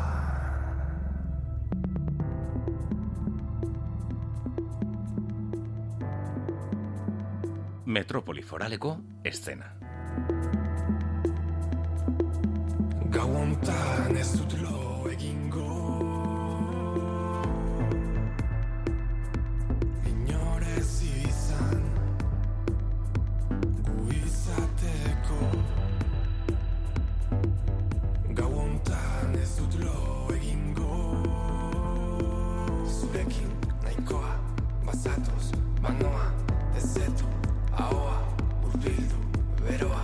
Irratiko musikaren eszena, bai, zabalduko dugu, musikaren tartean gaur, Ibai, Osinaga, egunon. Egunon, peio. Ibai Osinaga, ibilbide taldeko gitarrista, kantaria, zertan zabiltzate, ibilbedi taldean gauza berriak egiten pesatzen dut. E, bai, saiatzen, behintzat. E, bueno, orain berriz e, kontzertu egin hasi gara. Denboraldi bat egon gara jo gabe. Eta berriz hasi gara kontzertuekin. Orduan hori bira pixkat bukatzen eta gauza gauza berriak prestatzen. Bai, eta Nafarroan, Iruñerrian, noizko eh, ikusteko ikusteko gogoak baditugu. ba, aukera bat izanen da, baina, bueno, de hecho, bi aukera, baina ezin dugu esan orain. Bai, oraindik ere suspensea beraz, ezta? Oso ongi, aizu, e, gaur nondik nora, ezta? Em, Benize taldearen erritmoak entzuten ari gara goizeko ordu honetan. Bai, hori da, benize da, bueno, uste dute hemen e, irratian noizbait jarri izan dudala Montauk taldea, gazteiztar, gazteiztar batzuk. Eta, bueno, duela urte batzuk sortu zen taldea, eta eta orain pandemiarekin eta, bueno, pixkate desegin zen edo. Eta Montauk taldeko abeslaria den e, Beñat Goitiak, e, aurkeztu du egun, egun hauetan bere proiektu berria, bakarkako, bakarkako lan berria. E, Benize, e, ez izenarekin, bueno, Benitze, hola bi zetarekin, e, ez dakit e, nola, nola oskatu. Pizza bezala. E, Benitze, ez? Bai, pizza Bai, bezala. Pizza bezala. Eta, eta horixe, e, pixkat, e, bueno, montauken zerbait badu, e, hola atmosferikoa eta, baina, baina soinu elektronikoekin. Entzun Eta, bueno, bai. Bai, benitze, bai. eta titulua kanta honena bazatoz. Bazatoz. Ezin genuena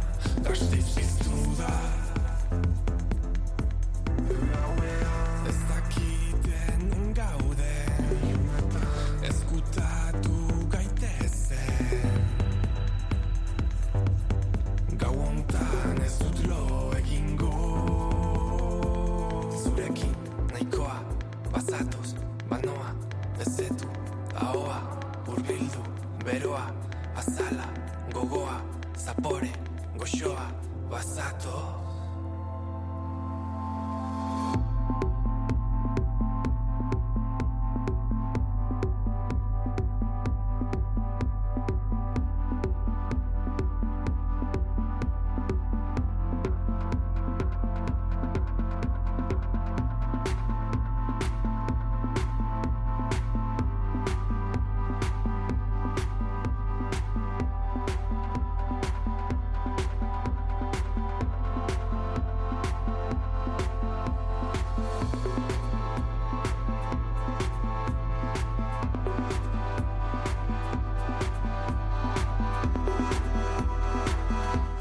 Egin dezagun aurrera, Ibai, eta bestelako proiektu batekin, bueno, em, gazteak utziko ditu alde batera, eta, eta bestelako artista konsagratuekin segituko dugu. Don esate baterako, eta bertan Imanol, Imanol Uribe, eta Ubeda, Ubeda, Ubeda. Ubeda barkatu. Eta, eta egin dute liburu bat eta disko bat, ezta? E, liburuaren testuak egin ditu Pello Lizarralde, etxe honetako lagun haundiak, em, esaidazu, zer nolako formatua, Bai. zer nolako e, proiektua den hau. proiektua edo iaia makroproiektua. Bai, ze. Baitu gauza, gauza pila bat. Duela gutxi aurkeztu zuten iruñan. Bai, ez banaiz. Ciudadelan. E, bai. E, beste hiri batzuetan aurkeztuko dute ere datozen e, hilabetetan. Eta, bueno, aspaldi, aspaldi kolaboratzen dutela Peio Lizarraldek eta eta Imanolek. Bai. Eta, bueno, ha- hainbat arte disiplinatako sortzaileak edo batu dira proiektu honetan. Proiektua ditzen da Sastraka, Maleza, Maleza, bazeleaz. Eta, eta bueno, Peio Lizarralde, eh, Jose Ignacio Agorreta Margolaria, Imanol Royo zinema zuzendaria, eta eh, Don Inorrez, eta horren atzean eh, Imanol Ubeda batu dira. Eta bai liburu, disko liburu bat da edo. E, omen da ez dut ikusi, fizikoki, baina omen da oso handia gainera. Osa, dena, eh, handia eta eta aurkeztu zuten, bueno, atera zen e, erein argitaletxeak eh, argitaratu zuen martxoaren martxoaren 10ean. Eta eta hori entzunen dugun lenda bizikoa bestia, e, bueno, abesti pila bat ditu, e, eta denak deitzen dira sastraka bat, sastraka bi, sastraka iru, hola? Eta orain entzungo duguna, entzungo duguna da sastraka amaik. Batez.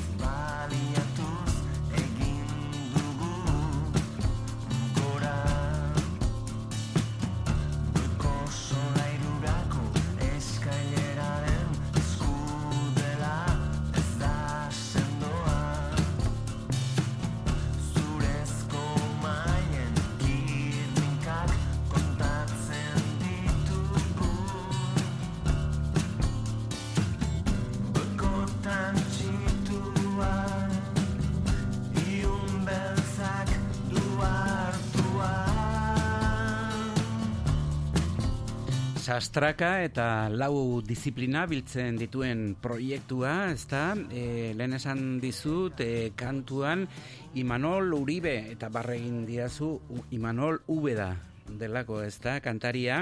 Eta gero esan duzu irudiarekin eta Imanol Royo eta hanka sartu duzu zuk ere Imanol Ah, bai. Rayo delako. Beraz, Ah, dos. beraz banako berdinketa, eh? Osinaga. bueno, asko. berriz ere jarraituko dugu sastraka, sastraka entzuten eta aurrekoa sastraka amaika eta orentxe bertan entzunen duguna zenbagarrena izango da? Bai, e, hau izango da sastraka bi, bigarrena, beraz. E, eta, bueno, ere pixkat, e, entzulea ere kokatzeko pixkat. E, proiektuaren abia puntua edo izan zen Peio Lizarraldek e, Jose Ignacio Gorretari bidalitako testu bat. Eta, eta hortik oinarri horrekin edo, ba, e, Imanol Ubedak ere amai, amabi, amabi kantu osatu zituen. Eta gero, e, Imanol e, Raio zinemagileari eskatu zioten e, bi, argazki bilduma bat. Bai, ez da, ez da zinema, argazkiak dira. Eta orduan guzti horren batuketa edo, da ezautzen dugun sastraka maleza e, proiektu. Eta orain entzunen duguna, sastraka bi. Eremu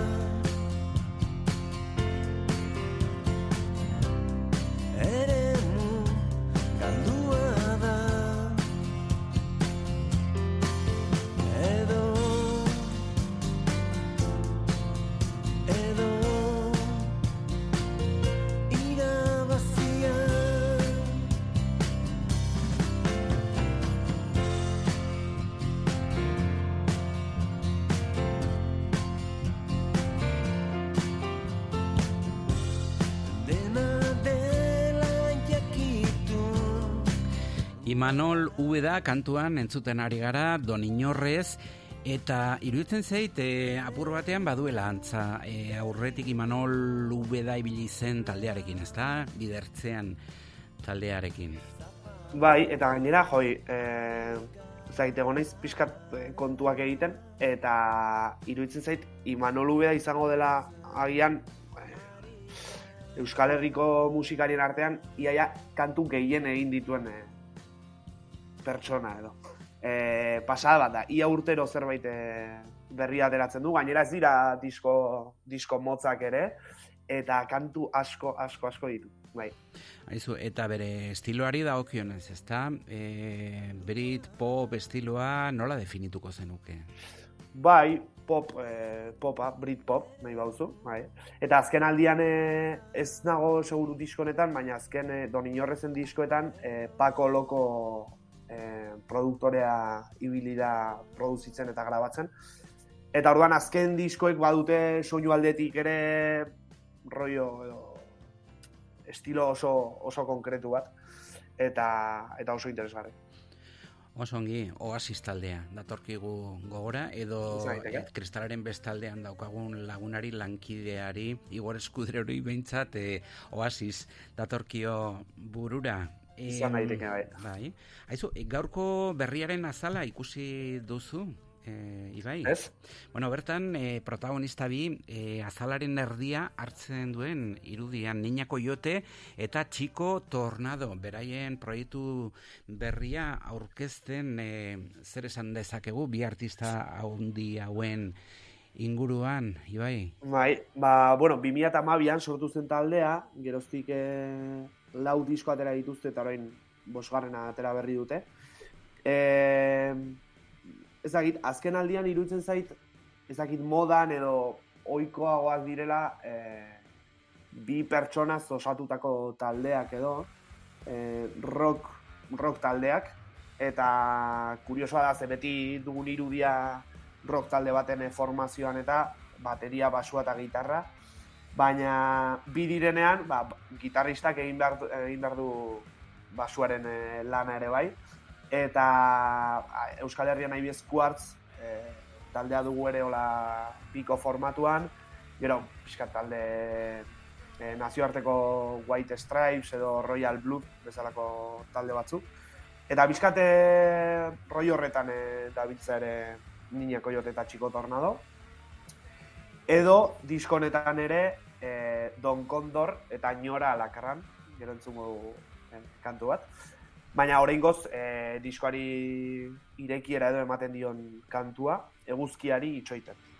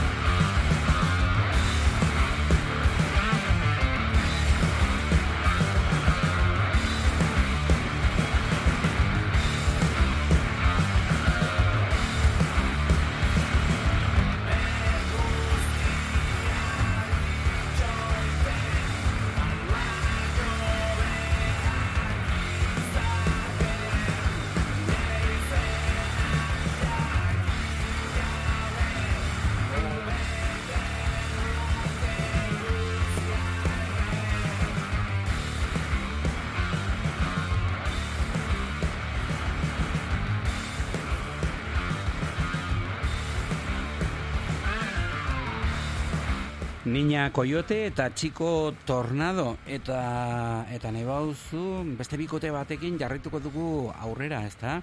Don Condor eta Ñora Alakran nortzu dira Bai. hauek. E, ba, esango dugu, ba, ez dugu gezurrik esango, vale, eta nahiko obioa da. Beraz, e, Niña Coyote eta Chico Tornadoren atzean, e, Koldo eta Ursula daude, eta orduan, nolabait, bueno, nik horrela ikusten dut, eh? Niña Coyote eta Chico Tornado dira haien alterregoak edo, baina disko honetan beste alterrego batzuk ere hartu dituzte, eta horiek dira Don Condor eta Ñora Lakran. Eta ja izenagatik edo, e, bueno, imaginatu dezakegu ze motako musika egin dezaketen edo. Eta bueno, e, kumbiara edo egin dute egin dute bidea. Eta orduan diskoan agertzen dira, bueno, diskoaren izena da Niña Coyote eta Chico Tornado versus Don Condor eta Ñora Lakran. Orduan, zazpi kantu eta zazpi kantu dira. E, eta bigarren parte horretan, e, Don Condor eta Ñora Lakranen parte horretan, batez ere kumbia hola, kumbia nahiko geldoak eta pixkate, ezakit, densoak edo, e, aurkitzen ditugu. Eta hause da horietako bat, eta izenburua da Bum Bum. Bakarrik zaude, non bote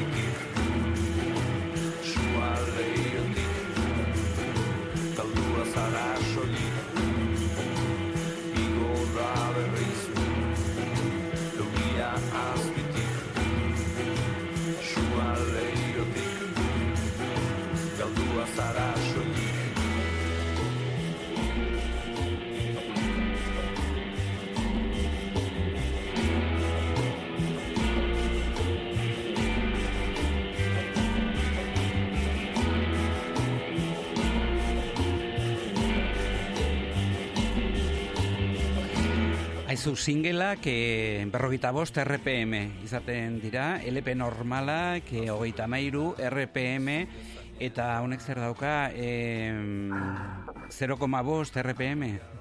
Bai, igual, e, igual egingo, egingo dut proba. E, viniloa erosiko dut eta eta jarriko dut azkarrago. Ja, zer ez gertatzen den, tanto horrekin. Bueno. Bai, e, ezagit, niretzat da rollo la pixkat desertikoa edo ez. E, ezagit, bai. Bardeetan grabatua. Bardeetan igual justo ez, baina, baina bai, hola, reber asko eta dena oso oso zabal eta nolabait e, entzuten da, nabaritzen da espazio asko dagola gauzen artean, ez? Eta sortzen da holako E, kumbia Bai, kumbia bai, baina Niña Coyotek eta Chico Tornadok eta Don Condor eta Ñora Lakranek, e, bueno, e, lau dira edo eta bi dira. Esaten dute roka gustatzen zaionak baduela kumbiarako belarria. Hori elkarrezketan esaten dute gaurko gaurko berrian. E, izan daiteke, ez dakit. E, ez dut inoizola pentsatu, baina ia da e, kumbiak egin duela bide bat ere gauza elektronikoetara, ez? Osa, estilo printzipioz musika mota akustikoa da, printzipioz, baina, baina bai egin duela bide hori, ez? Eta esperimentatzen e, aldera edo e, gauzak egin direla. Hora, bueno, izan dezake hortik. Bai, eta esaten dute rockaren sustreitik, sortu dituztela kantak, baino gero kumbiarako bidean, e, bueno, bihurtu dituztela. Hori, hori horrela. Bai, izan diteke, osea, igual bide, bide hori errazagoa da, e, kumbia kantu bat rock bilakatzea baino, ez? Piskat alderantzizko... Zuek ere horrela egiten duzue lan e, rocketik e, pop lasaiera? Eh, egia esan ez, batzutan eh, alderantziz gertatzen dira gertatzen dira ere. Eh, ongi. popetik pixkate gauzak aineretago. Aizu, em, burutik, e, burutik sanote zaudeten artistak sarritan e, galdetzen diogu gure buruari, ezta? Guk badakigu, baietz, e, artista hundiak zaretelako, burutik, taldea entzunen dugu segidan zer esateko daukazu? Ba, gauza asko eta aldi berean eh, ez eh, gauza gutxi. Hau da, eh, bueno, talde niretzat oso berezia da. Eh, aukera izan dute haiekin kolaboratzeko, gero entzungo dugun kantuan. Eta besterik gabe ezakit eh, bidea egiten den, ari den eh, talde oso interesgarri bat, oso berezia. Eta eta okerrez ba naiz, ostiral honetan aterako dute disko berria, amabost segundu izenekoa. Eta entzuten ari garen kantua izan zen, atera zuten lehendabiziko kantua, aurrerapen, aurrerapen gisa, zirkuluko y Bill Caria.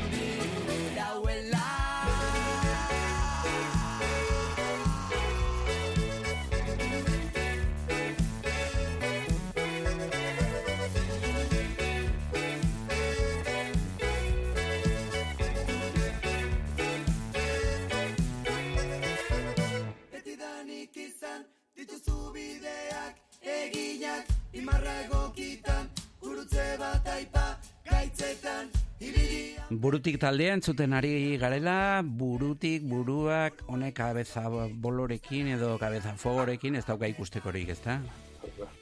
Ez, bueno, badu eh, esperimentaziotik ere, eta gauza pixkate, behintzat, lehen entzunaldian pixkat gauza, gauza arraroak edo.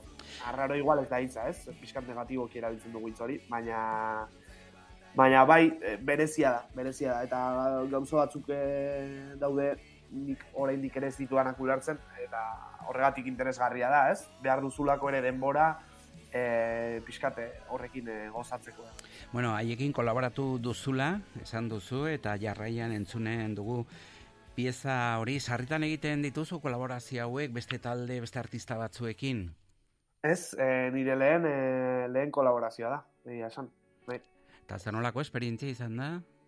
Ba, oso ona, oso ona. E, normalean, karo, kolaborazioak egiteko modu asko dago, e, hau izan da nahiko modu, modu klasikoa, deitu, deitu ziguten, eta deitu zidaten niri, eta eta eskaini zidaten, bidali zidaten kantua, ea zer irutzen zitzaidan, eta bueno, pentsatu zutela nire hotxak edo enkajatzen zuela hor, eta estiloan eta, eta kantua entzun nuen, gustatu zitzaidan, eta baietz, aurrera. Orduan, eh, grabatu, bideoklipa ere grabatu, eta. Bueno, zuen azken diskoan ibilbedi taldearekin kolaboratu izan du anarik, ezta? Egurrezko besoetan, e, eskuotan, abestian. Bai, hori da, hori da. Bai. Eta pixkat modu berean ere, e, berari bera deitu, galdetu ea, ea prest zegoen gurekin kolaboratzeko, baietz, eta, eta aurrera. Oso ongi, ba, kanta honekin amaitzera goaz, burutik, eta eta Ibai Osinaga, kantaren titulua, Ibai? Kolpatzea. bat dauka kalea Berak ez daki baina biztan ditu asmoa Orain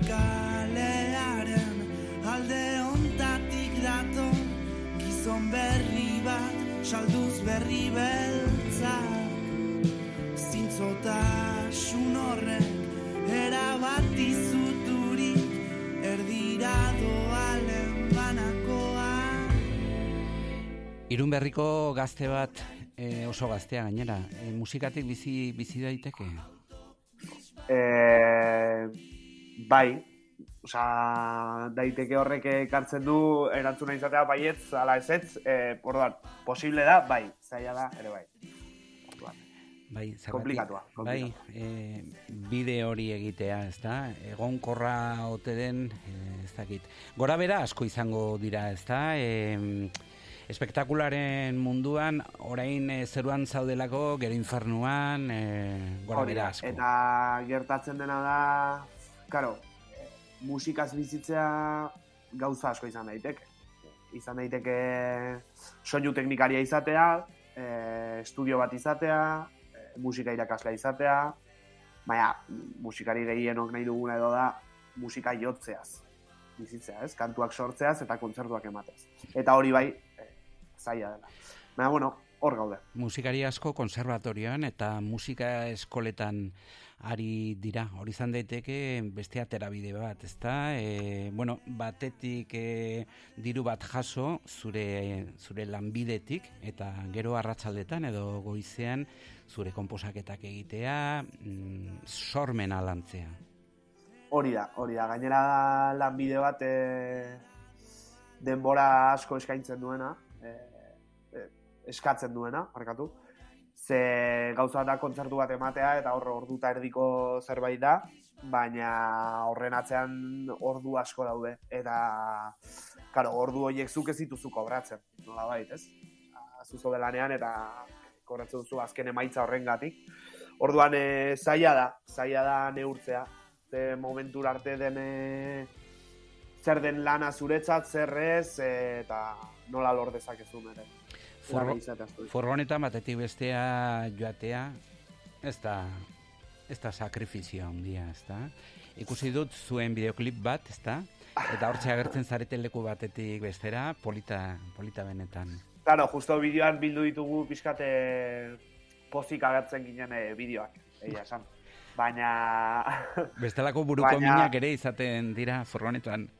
Eh, bai, batzutan bai. Ez, baina gero guri ere zaigu tokatu bidai luze-luzeak egitea, ez gara Euskal Herritik atera, orduan e, bi orduko bidaiak dira gehienez, eta orduan, bueno, nahiko ongi, nahiko ongi pasatzen dugu furgonetan. Joaterakoan bisi-bisi, baino bueltatzerakoan, ez dakit, e, timpanoak e, austear, lehertzear, eta lo egiteko, lo egiteko gogoa, edo, Bai, ez dakit, lo egiteko edo, edo hitz egiteko, asko hitz egiteko gogoak ere, ez da? Bai, bai, bai, hori da, hori da. Oso ongi, ba, plazera izan da, beti bezala, zurekin hitz egitea, eta zuk ekarritako musika eta proposamenak eta kantuak aditzea. Ibai Osinaga, Ibilbedi taldeko kidea, nahi duzun arte, ongi izan. Ai, eskerrik asko, agur peio. Ez da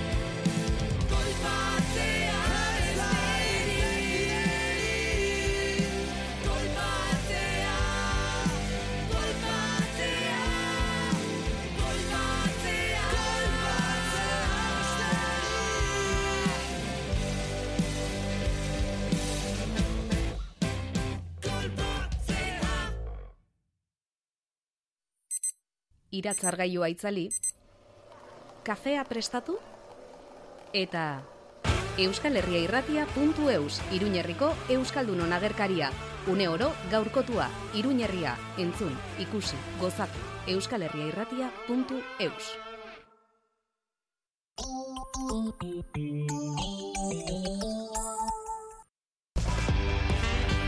Irurteren ondoren bueltan da Doktor Deseo maketoen iraultzarekin. Martxoaren hogeita zeian tote maretoan izango da Francis bere taldearekin. Ez galdu aukera, sarrerak salgai, salatoten.comen. Iluntzero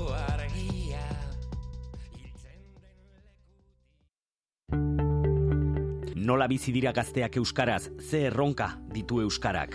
Ametxaranguren ibilbedi musika taldeko abeslaria Begoña Garaiko etxea gaztealdiko partaidea maitane jungitu geimerra eta unai dufur osasuna futbol taldeko jokalaria elkartuko ditugu galdera horiei erantzuteko. Berrogeita mar urte aurrerago, euskaraz bizitzeko autua solasaldia, martxoaren hogeita maikan arratsaldeko seiterdietan, iruñeko katakrak liburu dendan, zatoz. Eluiar berrogeita mar urte aurrerago.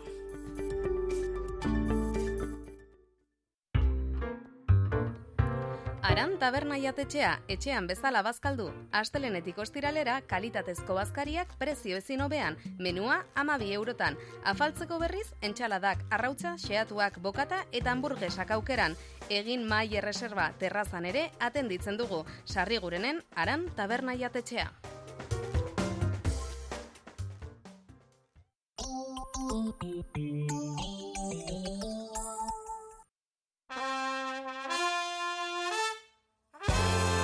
Ordu bat aterrietan, etxe honetan bertan informatiboa eta bihar ere itzuliko gara Metropoli Forala zeharkatzera jo eta ongi zan entzule.